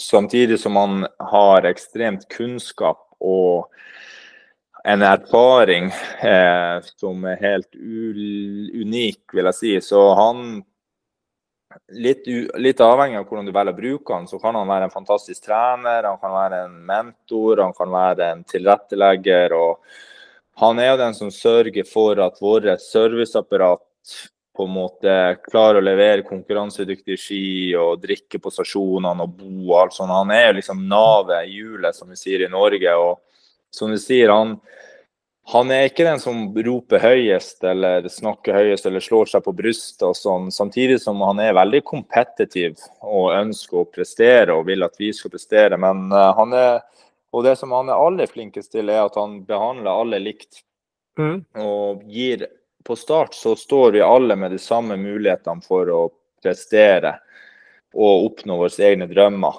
Eh, ja, på Vasaloppet og kanskje Marcialonga så kan det være sånn at den som har levert dårligst på de skirennene som har vært, han får kanskje beskjed om at ja, hvis Kasper i år da, som har vært veldig bra, knekker staven, Mm. så må du, Karsten, gi staven til han. Men der går grensa. Vi, alle får muligheten til å prestere så bra som de kan med tanke på ski og utstyr og egne sjanser. Så han er veldig rettferdig og veldig flink og helt rå på å sørge for at vi skal prestere. Så han är, han är rå, det är han. Ja, men jag, jag, ibland så har man ju pratat om real ragde och att det ska vara så här köpt och, och ibland har jag tänkt så här, är det har man köpt de bästa skidåkarna eller är man bäst på att utveckla skidåkare? Hur skulle du, eh, vad skulle du säga i det, det, det påståendet? Ja, jeg tror nok kanskje det er en kombinasjon. Eh, litt sånn som det er med Altså, det er jo ingen tvil om at eh, om det har vært Santander eller Ragde eller hva det heter, så har jo alltid ambisjonen vært å vinne de største skirennene. Mm. Og sånn er det jo bare. Vi har hatt eh, høye ambisjoner, og de løperne som har vært på laget, skal ha vært gode løpere med ambisjoner. Og så har vi hatt sånn som äh, Jeg var jo ikke god de første årene jeg gikk. Jeg har jo blitt bedre og bedre og bedre. Og så har du kanskje hatt Eliassen kom jo inn, og han var jo veldig god. Og Kardin har vært veldig god og var, er veldig god. og liksom, Det har nok vært en kombinasjon, men jeg tror eh, vi har en bra kultur på hur vi tränar och vad vi gör. Och det är nog många som av och till tänker att vi bara går bra för det att vi har väldigt god ski, exempel, eller att vi bara är så gode som vi är. Men eh, har intryck av att när du får utövare som är på ett väldigt högt nivå här och nu, eller, och så blandar du det med utövare som har varit väldigt gode, och så blandar du det med utövare som är på tur upp och fram, Mm. Eh, så har du en veldig bra miljø for å skape utvikling. Og hvis alle da er supermotivert og har trygg økonomi eller et serviceapparat som kan få deg til å prestere, så er det jo veldig mange ting som ligger til rette for at du skal skape gode prestasjoner. og der føler jeg jo at vi er litt nå. Vi, akkurat nå er jo faktisk jeg utrolig nok blitt eldst på laget. og Jeg har vært heldig og hatt mye bra resultater. Og så har du Kasper og Johan som på en måte er best nå. Og så har du har vi en som heter Oskar Opstad Vike, som vant junior-NM, og som er veldig vant eh, kanalrennet på rulleski og er veldig på opp og tur fram. Og så har du også andre løpere som er på Du har en veldig bra miks av utøvere. og Du har veldig sterke jenter på laget som er utrolig viktig for en gruppe. og altså, Det er jo en kombinasjon av alle de her tingene som skaper et miljø hvor du ønsker å bli en bedre versjon av deg sjøl. Og blir du en bedre versjon av deg sjøl hele tida, så er jo sannsynligheten for at du kan gjøre gode skirenn ganske stor på sikt også, da. Ja, det är imponerande hur, hur ni lyckas vinna lopp. Det, det, är, det är häftigt att se, måste man säga.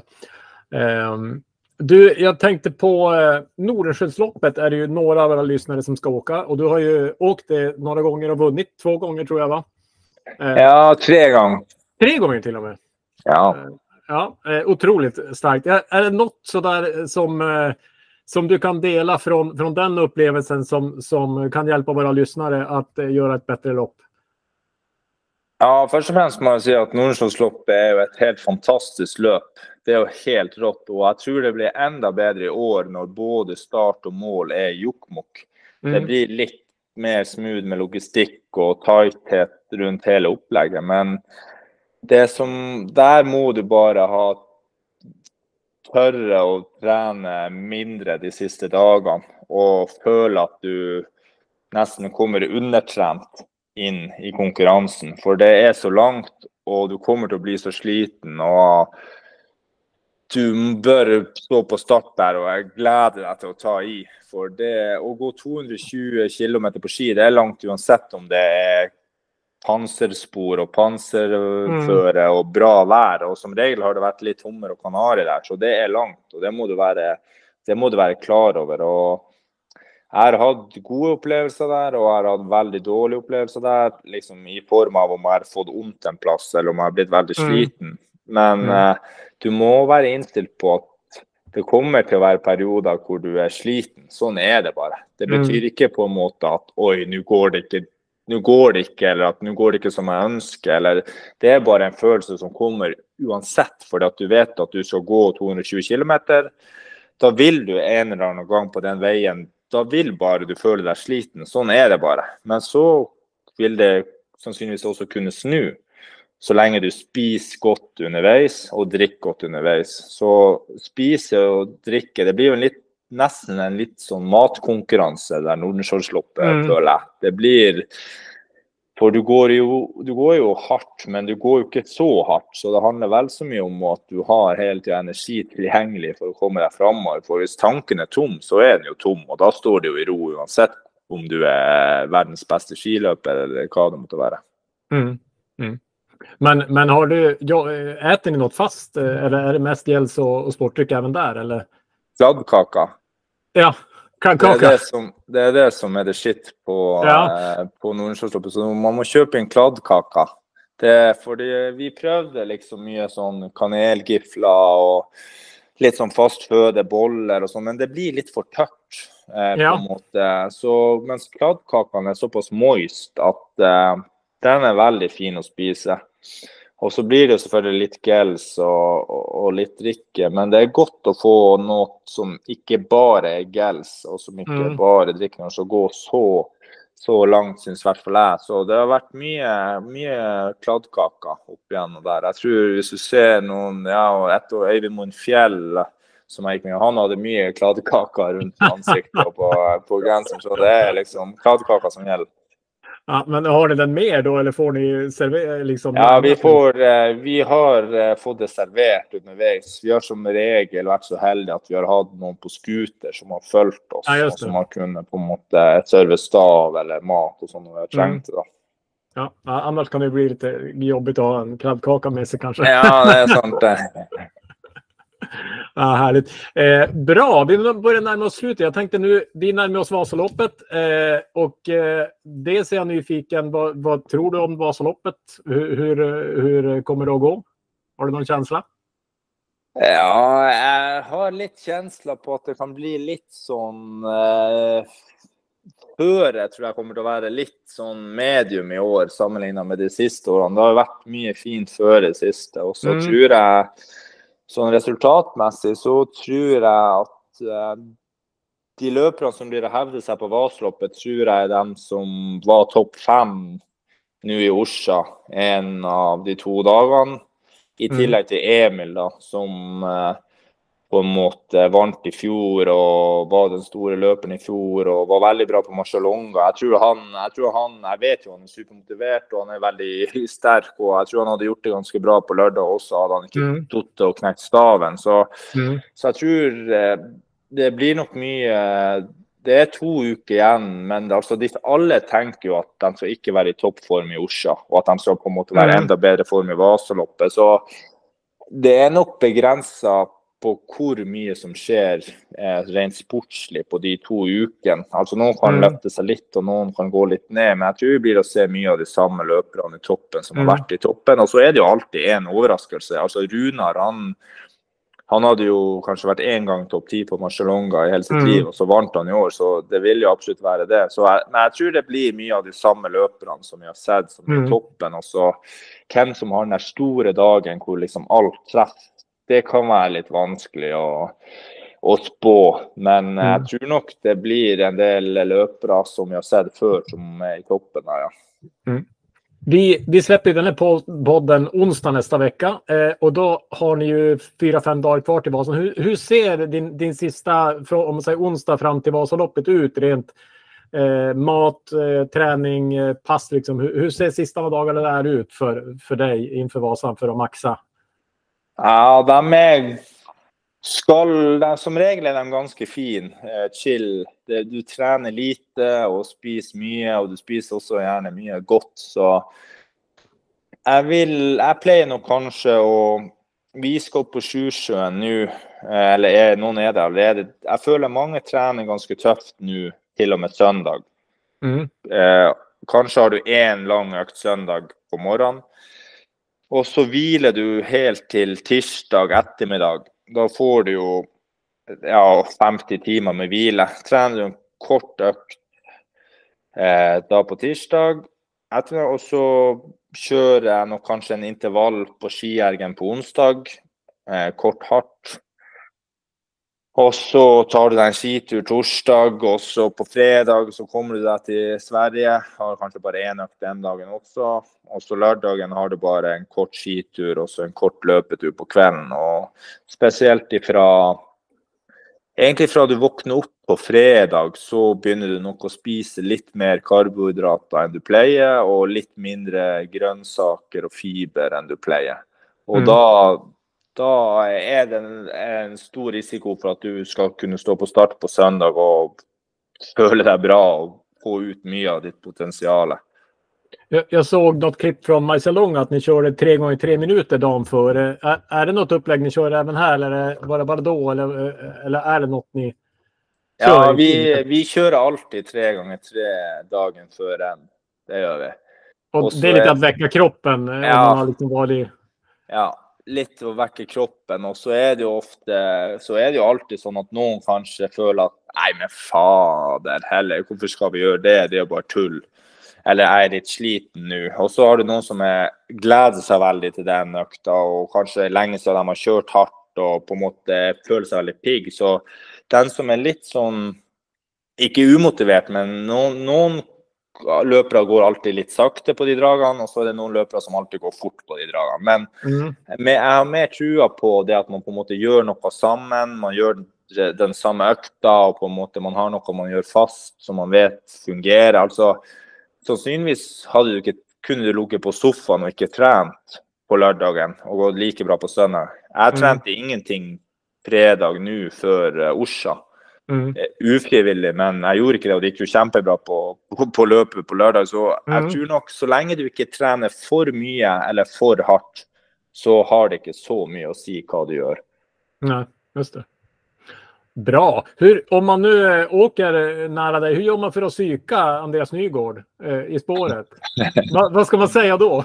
Nei, altså Det vet jeg faktisk ikke, men jeg føler psyken den henger eh, den henger litt sammen med den fysiske formen. Altså Kommer du på start og føler at du har gjort mye bra, du har vært frisk lenge, du føler kroppen fungerer, du har gått gode løp, da er psyken bra. Og hvis du på en Mm. måte har vondt en plass, eller du har fått ikke trent som du ønsker, eller det har gått dårlig, så er det begrensa. Selv om du har det samme hodet på toppen her, så er det begrensa hvor sterk psyke du kan ha. Så Mm. det, det meste pleier som regel å, å stå på meg sjøl om hvordan jeg føler meg psykisk. Det, det, folk går med briller og holder som regel kjeft uansett, så det er begrensa hvor mye. Det er ikke så mye utsyking i feltet, det, det er ikke det.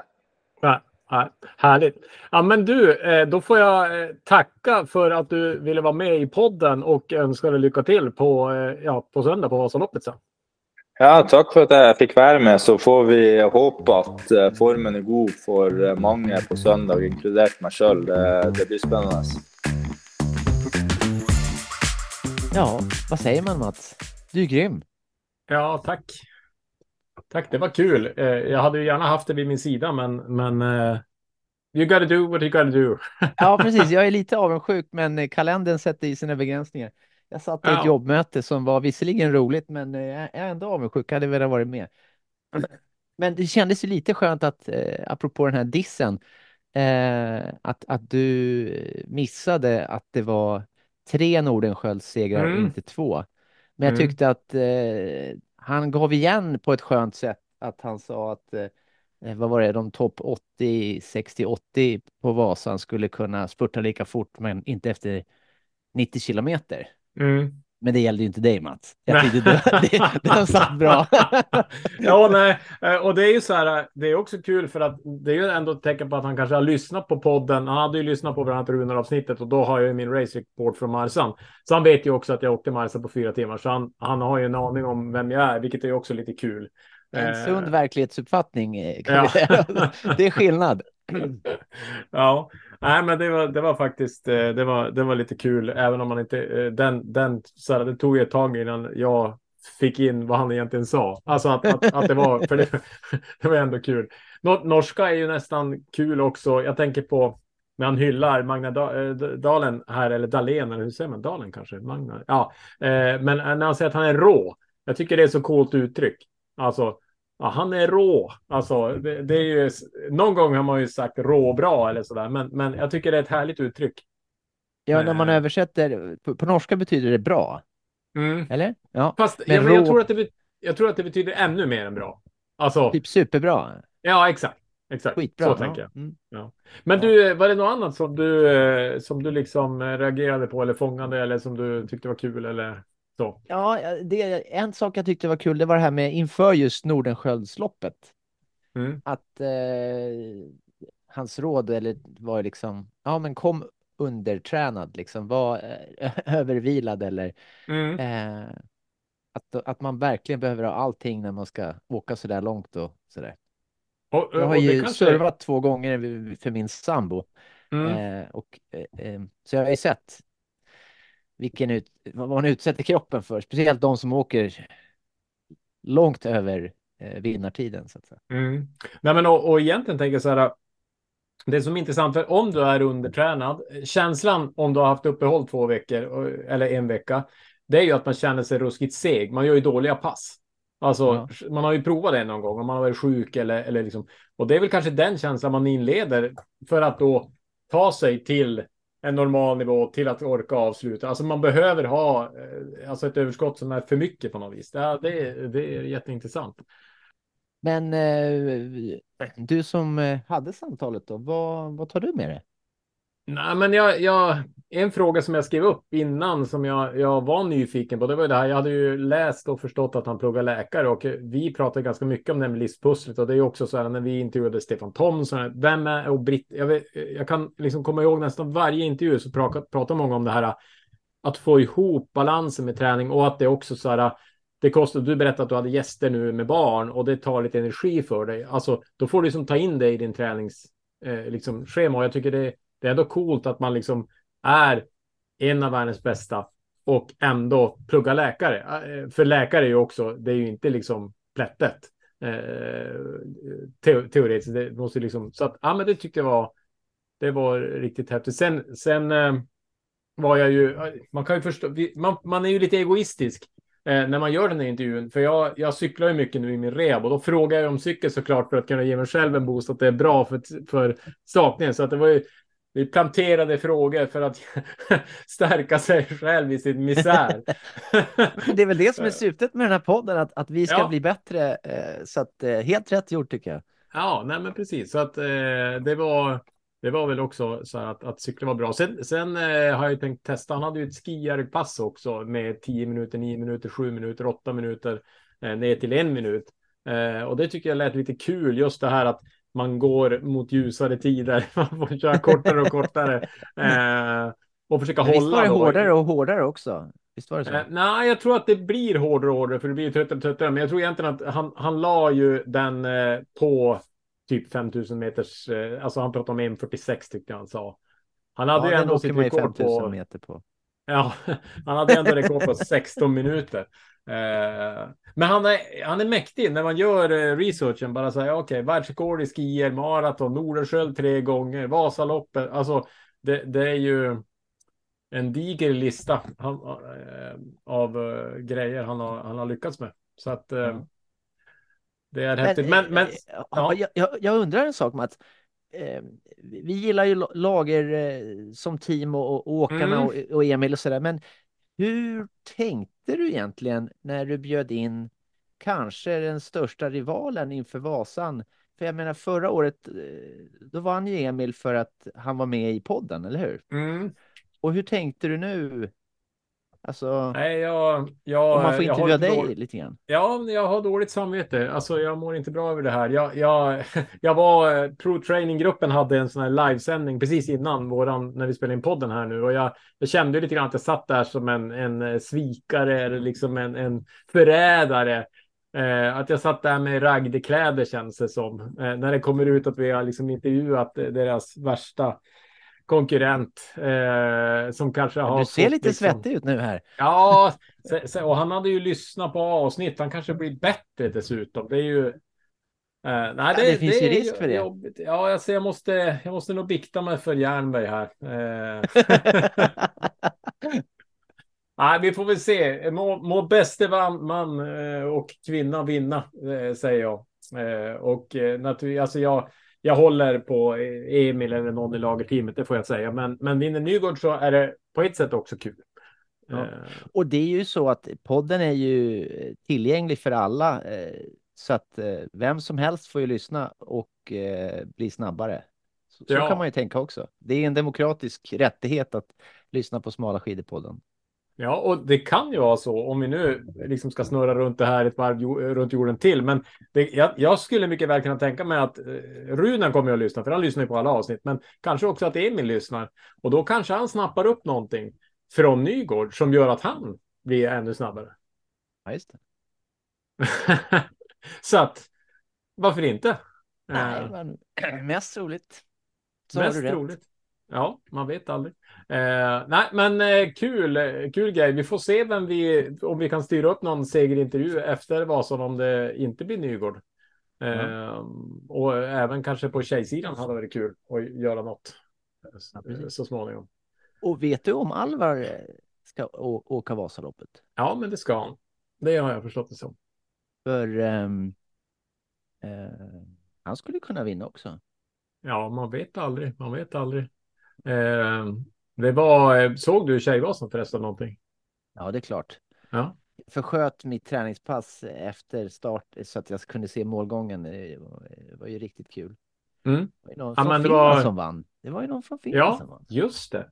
det. Du hade ju en liten seger där. Nej, men det, det är ju, jag tycker Tjejvasan är ju föredömligt eh, kort eh, ur ett tittarperspektiv. Men, men det är också kul när de traditionella är med eh, och, och bråkar lite grann. Så det blir ju lite benchmarking eh, mellan Ja, ja, Sofia Henriksson kom ju på nionde plats som ju tävlar för Piteå Elite och jag, hon bor ju alldeles här bredvid mig så jag stannade henne och eh, hennes eh, vallar eh, pojkvän Kalle Eneroth här och frågade. Och hon sa det att ja, alltså det var ju staka på platten eh, går ju bra och så, men uppför, shit vad duktiga de är. Alltså eh, fleten, hon sa det, det var ju liksom, man var chanslös. Och då är det ändå inte mycket uppför, men de är ju ruskigt duktiga, de här etablerade tjejerna på staka. Ja. Det är ju superhäftigt. Så att eh, ja, men du, eh, ska vi, ska vi, eh, vi lämnar Nygård och går över till Vasaloppet. Eh, och vad som händer där framöver. ångestförberedelserna. Ja. Eh, nej, för, första grejen jag, jag tänkte vi skulle snacka om det är ju, alltså vi har ju snackat mycket, vi har ju stark sportdryck, eh, dyra skidor och intervaller. Och eh, stark sportdryck känns som att det är en central del av Vasaloppet eftersom det är så långt. Och jag tänkte att eh, vi skulle kunna snacka lite grann om det, för, för jag, jag har lite reflektioner kring det där eh, kopplat till allt som sägs, för det är ganska mycket snack om stark sportdryck just nu. Eh, hur, hur ser din energiplan ut om vi börjar där? Du som nu ska åka. Ja, jag hade en jättebra plan förra året, men den havererade på grund av att eh, chauffören inte, inte hann fram på grund av trafiken.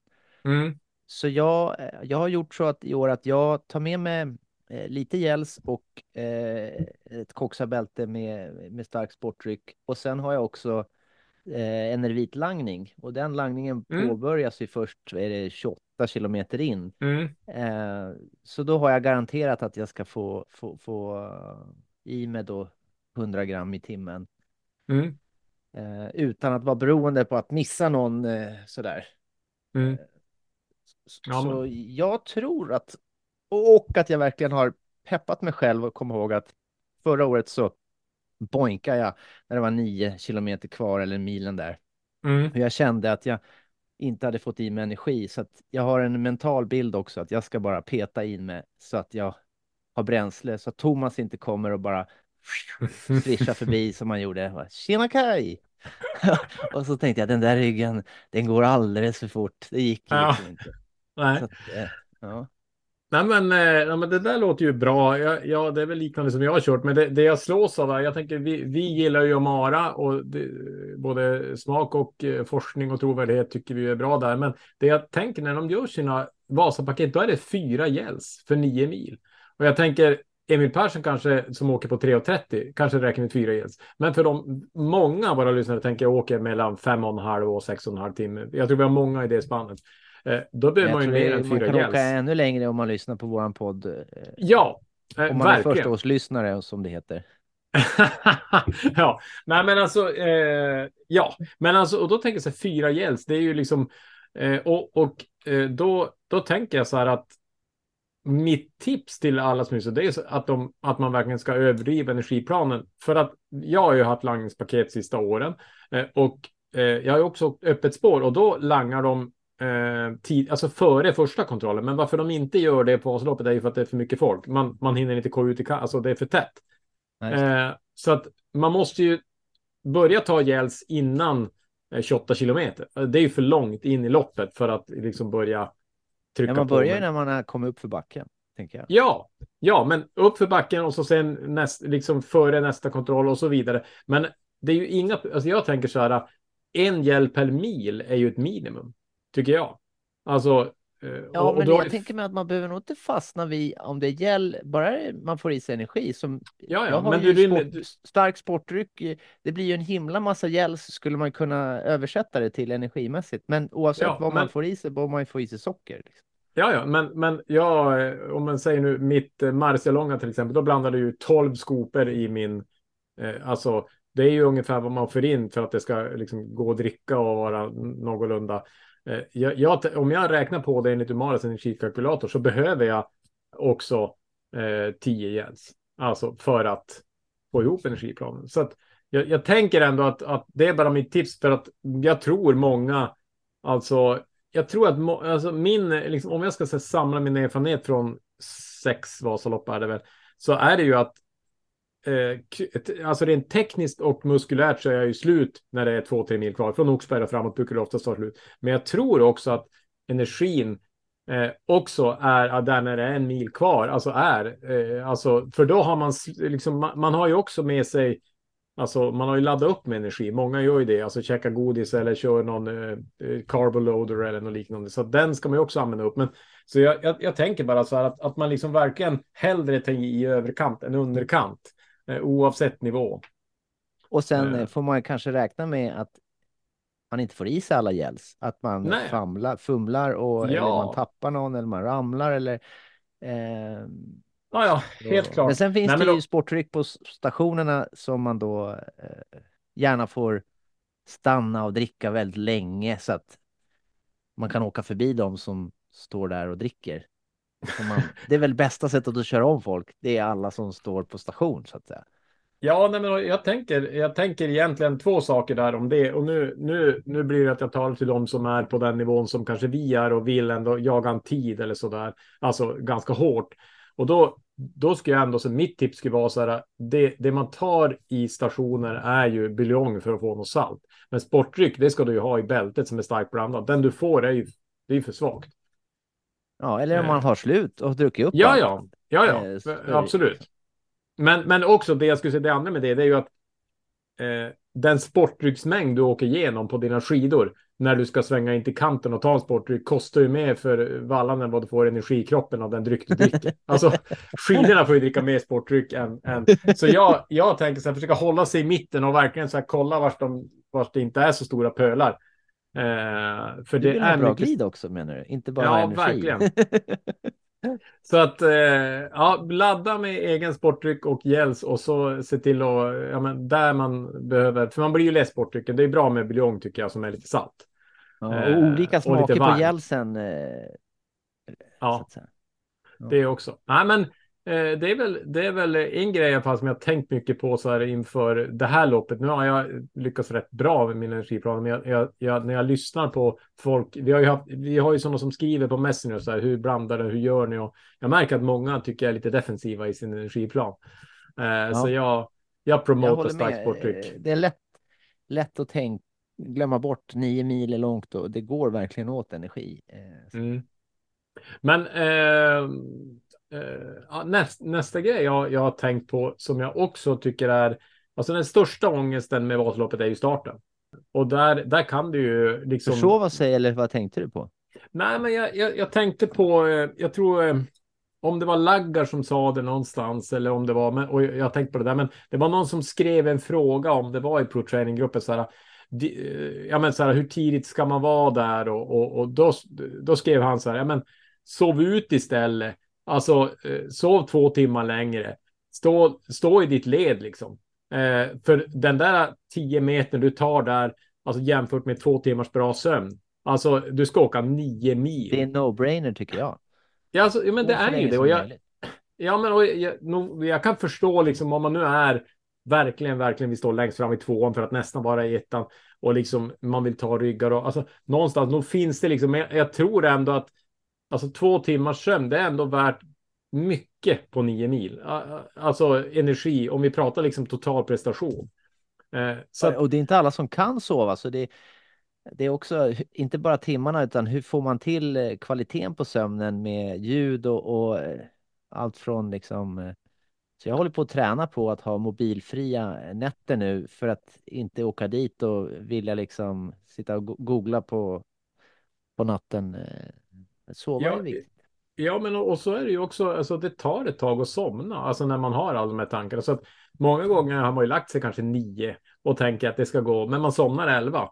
Och om du ska upp typ halv tre för att liksom stå där först i kön och stå två timmar och frysa och så två timmar, alltså eh, då, då hinner du inte få en bra sömnmix. Och s- Men sen- det är också man- den där sista natten, den, den är, må ju vara viktig, men det är viktigare att sova den här veckan. ja, jag, jag, Att, att säga det också. ladda eh, så att man har överskott så man inte kommer undersövd och sen får man en till dålig natt. Nej, man har men eh, då- exakt. med en dålig natt och, och, om man är liksom väl utsövd. Så det, Nej, men och det har ju varit min, min liksom, eh, så här, försvar till att eh, få en kort natt. Det är att sover jag bra veckan så kan jag i stort sett inte sova alls och ändå klara av att prestera. Men, men så det, är- det, det är två perspektiv till, kring, eller det är flera. Jag tycker den här sömnfrågan är intressant. Men det ena är ju att har du sovit bra hela veckan så, så kan du ta en kort natt. Men eh, att, att prioritera att sova längre och liksom acceptera att du står lite längre bak i ditt startled och så sen bara ja, men ta det lite lugnt. Se till att inte knäcka några stavar, liksom åka lite smart och så sen komma upp och sen köra dina nio mil. Då, då kommer du liksom, det kommer att ge sig. För det, är ju mycket tur och otur också. Vilken sida kommer du? Kommer du där kraschen är, då kan du ju liksom stå. Har du tur och få flyt? Det är ju det är lotteri. ja visst. Eh, men, men äh, ja, så att jag, jag tänker att jag inför nu, jag har ju värsta revanschlusten inför nästa år. Alltså jag är så träningssugen i och med att jag inte ska åka nu. Så nu, nu blir det, eh, ja, det, det kommer att bli ambitiöst träningsprogram och eh, som jag ska ladda. Och jag, jag ska inte ha någon, någon eh, sidningsångest utan jag ska ganska tidigt vara i det startled jag vill vara. Just Eh, så att, men med det sagt så, så det hade varit skönt att vara i startled så att man känner att ja, men, jag kan ställa mig längst bak i det startledet eh, och, och, liksom, och, och det är okej. Alltså, eh, så, så att jag kan sova eh, bra. Ja, eh. Men, För det ju, räcker ju inte, för det är ju de där köerna och så där, det är ju också, fast man är där i tid så är det, man, alltså, vad är, vad, vad är värt? Så den där ekvationen, eh, men där är vi olika. Vi har ju vänner som, eh, som har svårt att tänka sig något annat än att, än att vara först. Och, så Mm. man får väl eh, anpassa sig efter sin person också, tänker jag. Ja, nej men och sen, sen om det är någon i Vasalopps eh, liksom organisationen som lyssnar på den här podden så jag skulle gärna se indelningar i startleden eh, så att man liksom så det var ganska givet ungefär som ni hade på VM att här ska du stå. Eh, att, det finns liksom eh, Att, att man har, eh, uff, men ja, ja men, Men typ så här är- start, startled 3 A, B, C. Eh, då vet du att du är i B-gruppen. Du står mitt i startled. Ja, perfekt. flera startled skulle man kunna säga då, eller? Ja, men typ. Alltså, det skulle göra att man liksom, ja, men då är jag då, har jag liksom varit liksom tre minuter till tvåan, om vi nu hittar på det. Då är jag i A-gruppen i trean. Eh, och då, och då bör jag ju inte, då kan jag ju sova ut och då blir det lugnare på morgonen. Alltså. eh, Men är inte det här en del av själva upplevelsen? Att det är upp till oss individer, inte att de ska rigga liksom perfekt, utan att det, det, det ska vara lite krig och kamp. Mm. Det kommer ju ändå från jakten av en, av en liksom eh, kung, va? Ja, då, Jag, tänk, men jag tänker det. jag tänker låt oss sova ut och sen jaga kungen liksom. Ja, det är ingen semester. Ja, Ja. nej, vi, vi låter det där vara oskrivet, men, men det, det, går att, det går ju att prata sig varm för, för det ehm, ändå. Eh, Ja.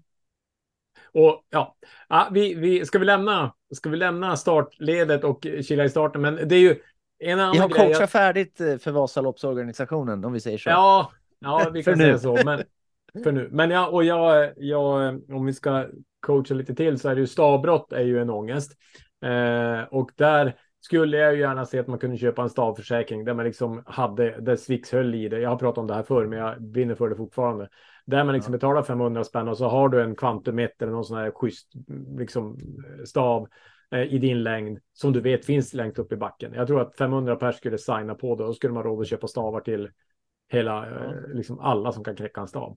Istället för att Men- stå med någon gammal boronstav från 70-talet med en sån här läderrem eller någonting. Alltså hur kul är det när man har tränat liksom i Men vem, får, vem delar ut sådana stavar? Ja, men alltså det är ju bara. Det är väl Swix-stavar som delas ut? Det är väl någon Vasastav som delas ut? Ja, men det är ju inga toppenstavar. Alltså, Ja, eh, ja. Men det, på min karta så finns den här försäkringen redan. Jaha.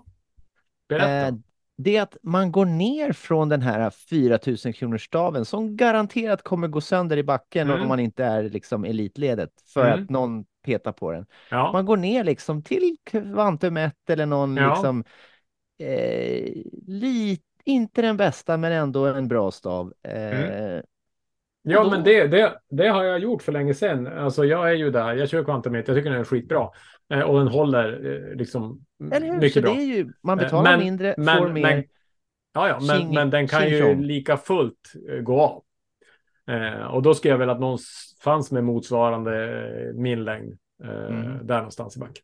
Ja, Det är lite det- kul idag, vi är inte överens. Det är lite, lite Ja. polemik. Nej, men vi Det- är ju superöverens. Ändå. Har du gjort, har du gjort din radiointervju förresten? Ja, eh, Ja, berätta. kan vi prata om det här verkligen? Eh, jo, jag varit ju intervjuad av eh, Sveriges Radio, eh, finska radion. Mm. Eh, och det borde ju komma snart, eh, för det är ju inför Vasaloppet. Eh, och det blev ju två intervjuer, en på svenska och en på finska. Mm. Och det, det som är spännande är att jag har ju bott i Sverige i 45 år och använder ju min finska sporadiskt, typ när Mm. jag svär med bonuseffekt. Mm. Eh, och någon gång så. Eh, så. Så det tog ett tag innan min hjärna, så jag hoppas de redigerar, för det blir en väldigt lång tystnad i den här intervjun. eh, och, och man ska vänta in när min hjärna processar på finska. Men jag kommer Det igång var sen. mer, det var mer än Heisapeite och Parasta ännen. ja, jo, det var ju liksom, eh, men det var väldigt, det var väldigt roligt. Så jag ser fram emot att, att höra hur det blev. Eh, och eh, jag tror Men att det kommer pratar på ni om? Instagram också. Ja, men de ville ju veta varför jag åker med finska landslagsdräkten. Mm. Eh, Okej. och, Och, och eh, får vi veta det också eller? Vad sa du? Får vi veta det också? Ja, det kan vi få veta. Nej, men det, det är ju många anledningar, men det är som mycket annat i livet att man har en, man gör någonting och sen så blir det något annat. Alltså, det är många saker jag inte tänkte på, utan det var egentligen att jag var snål för att vi var ju där på träningsläger och då hade de rea på eh, liksom förra säsongens eller förrförra säsongens Mm. tävlingsdräkter och de är ju riktigt top notch. Alltså, de är ju riktigt bra de här dräkterna. Och då tänkte jag, kan jag åka en sån här? Jo, det kan jag göra. Eh, så Mm. där började det ju, liksom, det var ju snålheten. Men sen så, jag är ju från Finland och sen så märkte jag att när jag drar på mig den där, då vart det ju landskamp direkt. Jag ska tävla eller träna, så när vi kör intervaller. Och då blir det lite kul, för då tar man i lite mer och, och ja, alla vill ju slå en finne och en finne vill ju slå en svensk och sen så det ena och det andra. Eh, Mm. Och sen har det blivit effekt av att folk hälsar på mig när de njuter av att åka förbi mig på sidningslopp, att de liksom Mm. Har du stark sportdryck säger de, eller smala skidor och så glider de förbi så här. Ja. Men det är ingen som eh, kommenterar när jag kör förbi så att eh, det där måste vi ändra på så att jag funderar på att sy på någon lapp på Vasan här liksom. Heja när jag kör förbi. Nej. ja, just det. Men det finns ju bildekaler som, som eh, du kanske kan ta inspiration från. ja, precis. Eh, Det ja, finns men jag- finska skidor som det står så här, you're behind, står det på one way skidorna som jag har. Jag har ett par sådana. ja. Alltid Ja. retar det någon. Men du, eh, ja, cool. Men eh, vi, jag tänker att vi tar oss igenom våra pelare här lite grann. Eh, jag eh, åtminstone varit nyfiken på skidor och material. Hur, hur gör du här? Det är ju, för det är ju också ett område som det pratas mycket om och har mycket ångest. Och nu blir det lite blött verkar det som. Hur, vad är din Ja. plan här? Ja, det, det- är ångest på just vilka skidor ska jag ha? Jag var ju, när jag var i Vuokatti så har de ju jättebra eh, sån här, vad heter det, Vuokatti Ski Service där man eh, slipar skidor. Så jag har slipat massa DP-skidor eh, på olika slip, varmt och kallt och, och sådär. Mm. Så jag håller på och försöker lista ut vilken ska jag ha. Och det är lite varmt här nu också så att det är test, test i dagarna här. Mm. Sen är nästa nivå, det är ångesten med vallan då. Vilken valla håller och rädslan för att den ska, liksom, skidan ska dö Mm. för att det är nya grejer.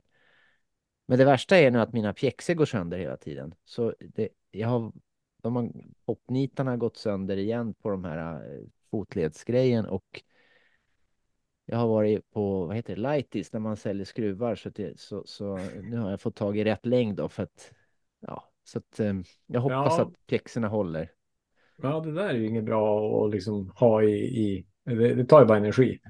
Och hålla på och fundera på popnitar när man ska åka Ja, skidor. precis. Men jag har kommit på, har man nog långa eh, skruvar som sticker ut åt sidorna så, så, så blir det lite som de här eh, i Romar, de här eh, romarna, ja, eller Mad Max när de har så Ja, precis.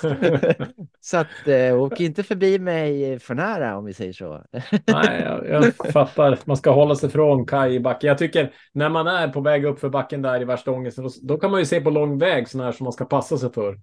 Sådana här som liksom ska mellan spåren trots att det är folk och, liksom, ja, och som liksom har stavarna till höger och vänster och som bara är olycka. Eh, Ja. Så att, eh, och då ser ni finsk direkt med vassa popnitor på sidan så kan det ju passa er då. ja. Eh, men, eh, men vallamässigt då? Vad, vad tänker du där? Ja, ehm, jag vet inte riktigt. Jag har ju den här eh, Skigo eh, LDQ. Den Mm. har jag i vallalådan. Och S- Swix Marathon. Ja, så att jag... Eh, De, eh, Sk- Skigo hyllar ju sin gula väldigt mycket nu. eh, i- Ja, ja det är ju de, på hur, vad det blir för väder och hur blött det blir. Mm. De, vi, ja, vi hade ju som sagt ett möte här innan med eh, pro-training-gruppen och då, då nämnde de just att den gick väldigt bra på Tjejvasan och den gick ju också bra. Nu var det någon ungdomsvasa eller någonting idag där de hade gått toppen bra. Eh, så de, och, då, och de, ja, nu vet jag inte vad den mer är än den gula vallan, om de liksom har något mer i sin påläggsteknik eller så. Men, men eh, de verkar vara väldigt nöjda nu. De har ju haft lite problem eller, ja, tidigt på säsongen, Skigo, att hitta bra grejer. Eller Skigo, men, men eh, de hade ju några lock de inte var i topp i alla fall. Så att eh, de verkar ha hittat något där. Och de har ju, det är också lite lustigt att de, i Norge eh, så har ju, och Swix är ju från Norge, de har ju spritt något nytt rykte att eh, det är flår i Skigovallen. Så att eh, många har ju liksom ska köpa Skigo och liksom fundera på det och så då är ryktet liksom att det kan du inte göra för de, de, de fuskar med fluor.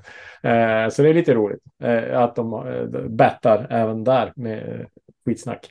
Eh, Jag har men, varit i eh, Finland ja. nu och bunkrat också lite finska vallar så att eh, det Ja. är ju liksom jag har Du- Rex-serien har jag massa valla Ja. och, ehm, och sen är det den som har det bästa namnet Vauhti.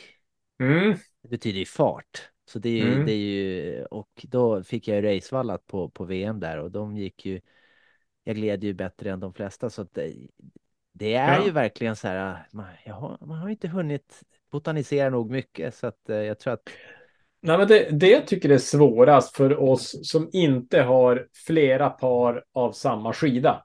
Eh, eh, så att du har ju nu en, en gul slip, en blå slip och en grön slip. Eller många har ju det i alla fall på sina, om man nu, ja, nu har jag ju hemliga finska slipar. Eh, ja, ja jag fattar, men, men, men många har det i alla fall. Eh, och så ska man då ut och testa de här och så har man vallat dem med samma sak, men det är ju slipen som kanske ändå avgör glidet.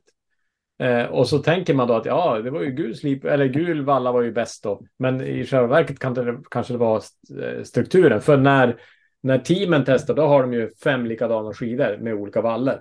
Eh, och där eh, det kanske är något, jag, jag vet inte, de pratar om att nolla ut skidan. Och jag tänker, är det att de Eh, eller skulle man kunna göra själv oavsett hur nu teamen gör, men att man, man liksom, men det är ju mycket jobb med det, men att man har dem utan valla och så testar man glid bara med strukturen liksom och så ser man okej, den är en meter före. Då vet man det och så sen vallar man på och så tar man den metern i beaktning på något sätt. Eh, jag, jag vet inte hur man ska göra, men det är ju det är intressant. Eller kanske ett sätt skulle kunna vara att du och jag testar tillsammans så att vi tar våra Många har ju ändå slipat på, alltså eh, kanske, ja men här uppe är det mycket örner och det är mycket eh, kanske eh, på XCC man har, man har slipat, men att man tar och jämför eh, liknande slipar i alla fall. Sen kan ju skidorna skilja mycket också, så det är ju massa parametrar. Det är inte lätt. Ja. Nej, men jag, jag försöker göra så som idag när jag varit testat. Min sambo hon har ju också ett par klassiska eh, skidor Mm. som eh, är liksom varmskidor som går jättebra i sånt här Mm. före. Så jag försöker liksom hitta en skida som går bra och sen så eh, ska jag ju då ha med mig två par skidor kanske. Ehm, och sen så tar jag den vallan som jag tror är lämpligast för dagen. Eh, Mm. och sen så mer än så gör jag inte. För att eh, Men jag det är inget å- åka också mentalt eh, liksom. eh, Så, så jag är, har en lägre tröskel tror jag. Men det är inget alternativ att leja bort vallningen. Du, du vill ha det i din egen vallabox. Ja, jag har inte gjort det och, och jag har gjort det förut så att säga, men jag, jag, jag tycker att det är onödigt dyrt. Så svårt är det inte när det bara är glid så att säga. Mm. Eh, det, det däremot jag tycker det är lite ångest, det är ju det här med, med, med man börjar fara, ja, man börjar fara iväg i hur mycket ska jag rilla, vilken rill ska jag ha? Och så Ja. hamnar man i en form av pingpongmatch i huvudet. Så att eh, Mm. den här raka två millimeters får man väl kanske trycka lite extra då i, i, i år. Mm. Mm. det, eh, alltså det är ändå min kondis, min skidteknik och att jag får i mig energi för att åka.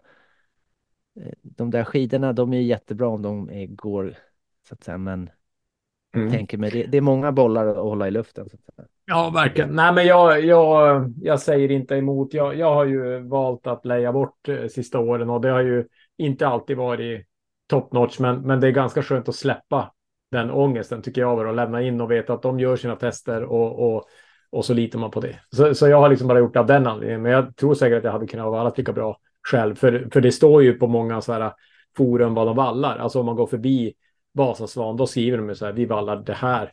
Eh, Så det är inte svårt att hitta alla tips i de här dagarna. Nej. Eh, eh, Men jag tycker bara det är mentalt skönt att liksom bara lämna in och så eh, hämta ut på morgonen och så bara köra. Ja, Eh, och så får Men det jag, bli. jag tror det där är precis, det är som det här med att stiga upp eller gå och lägga sig, att det är Mm. individuellt. Man får nog hitta Mm. det som funkar för en själv. För, Ja, och- men ja, exakt. T- Tar man eh, Marcus Lidman till exempel som alltid verkar lyckas med att valla. Det känns som att han är lika bra som de här bästa vallarna. Eh, kunde jag lämna till han skulle jag göra det liksom.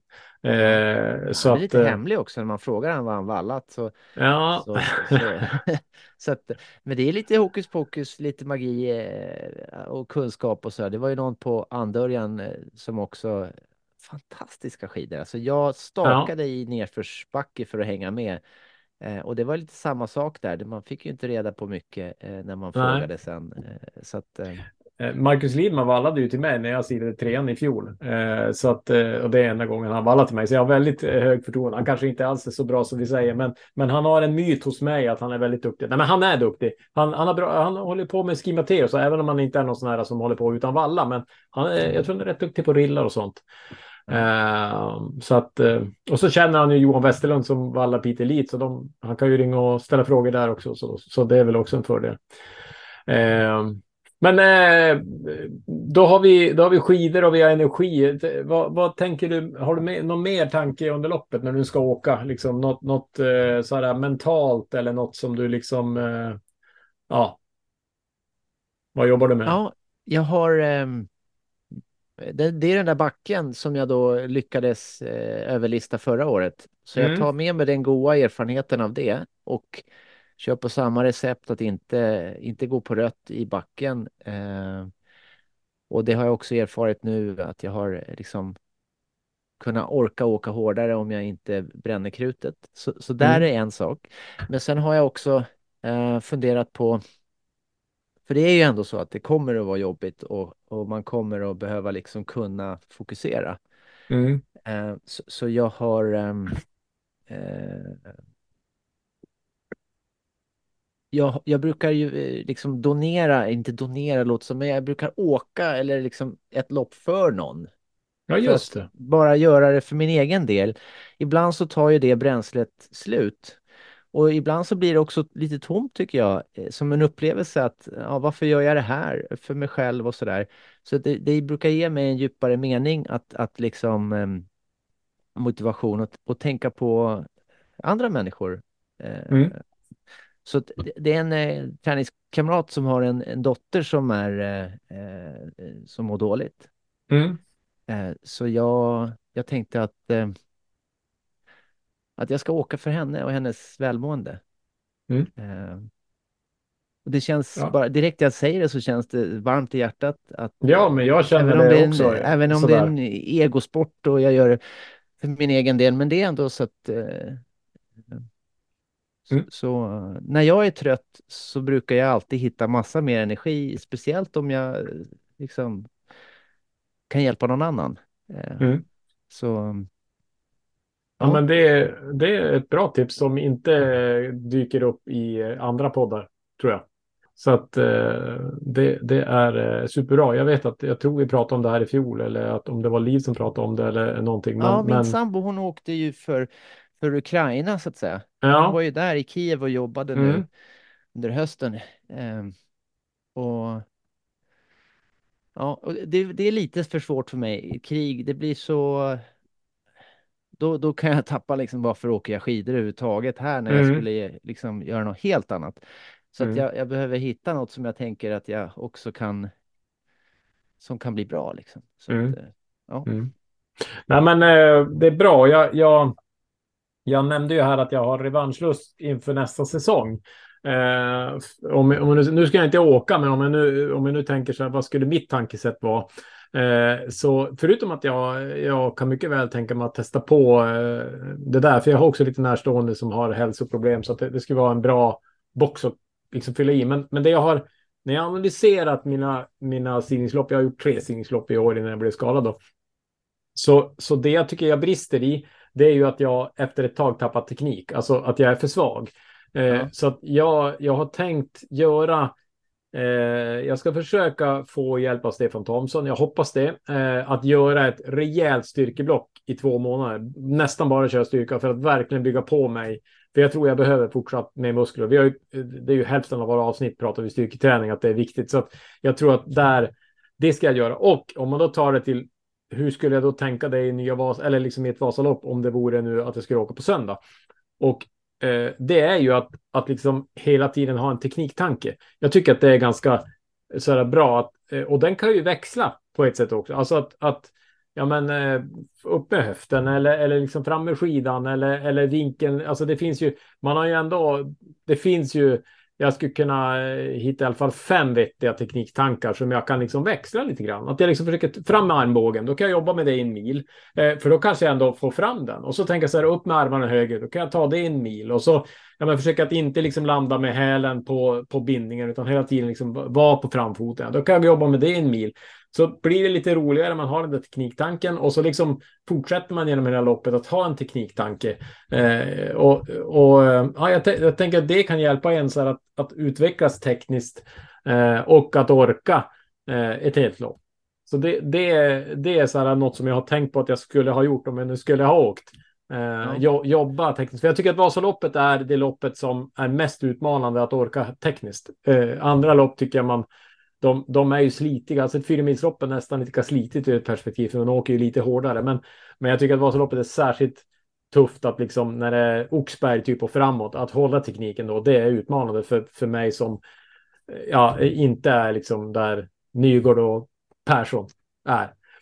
Nej, uh, men jag har märkt att när, när vi kör eh, träningar med Magda, så mm. när hon ser på, för hon åker ju oftast och mm. ändrar plats under liksom intervaller och så, så tittar hon och så när jag upptäcker att där står det någon med färgglada kläder mm. och då är det Magda och då skärper jag mig. Så att jag, jag tänkte säga att alla som har färgglada kläder i, i, längs med Vasaloppsspåret kommer ju vara Magda.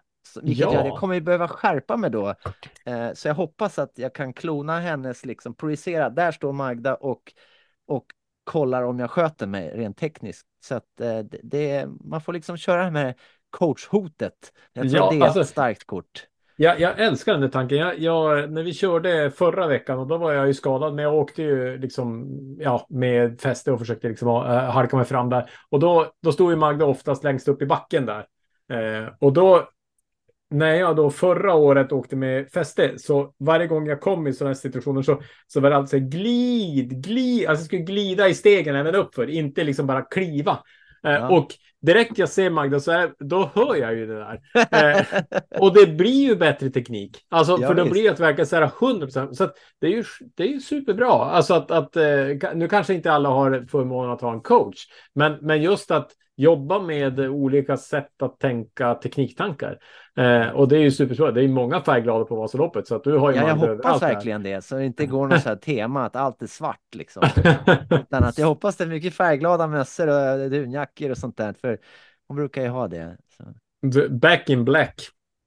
Eh, men men eh, ja, nej, det, det, det gillar jag. Eh, bra, bra tekniktankar, det, det tror jag är det tror jag är nyckeln och, och, och även det här du säger att inte gasa ihjäl sig upp för backen.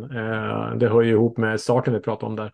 Sen en, för att gå tillbaka bara en kort sväng. Jag kom bara på, på tal om det här med stark sportdryck. Koffein, eh, vi har ju pratat lite grann om det med Umara-avsnittet och eh, vi vet ju också att du har, eh, du får inte överdriva koffeinet för, för din eh, hjärtklappning och så. Men, men något jag har eh, tänkt när jag, jag vet inte vem jag lyssnade på, om det var Runar eller om det var ehm, Carolina, Carolina Hedeström, men jag tror att jag tar för lite koffein för att det ska göra skillnad. Alltså, det verkar som att de laddar på mer.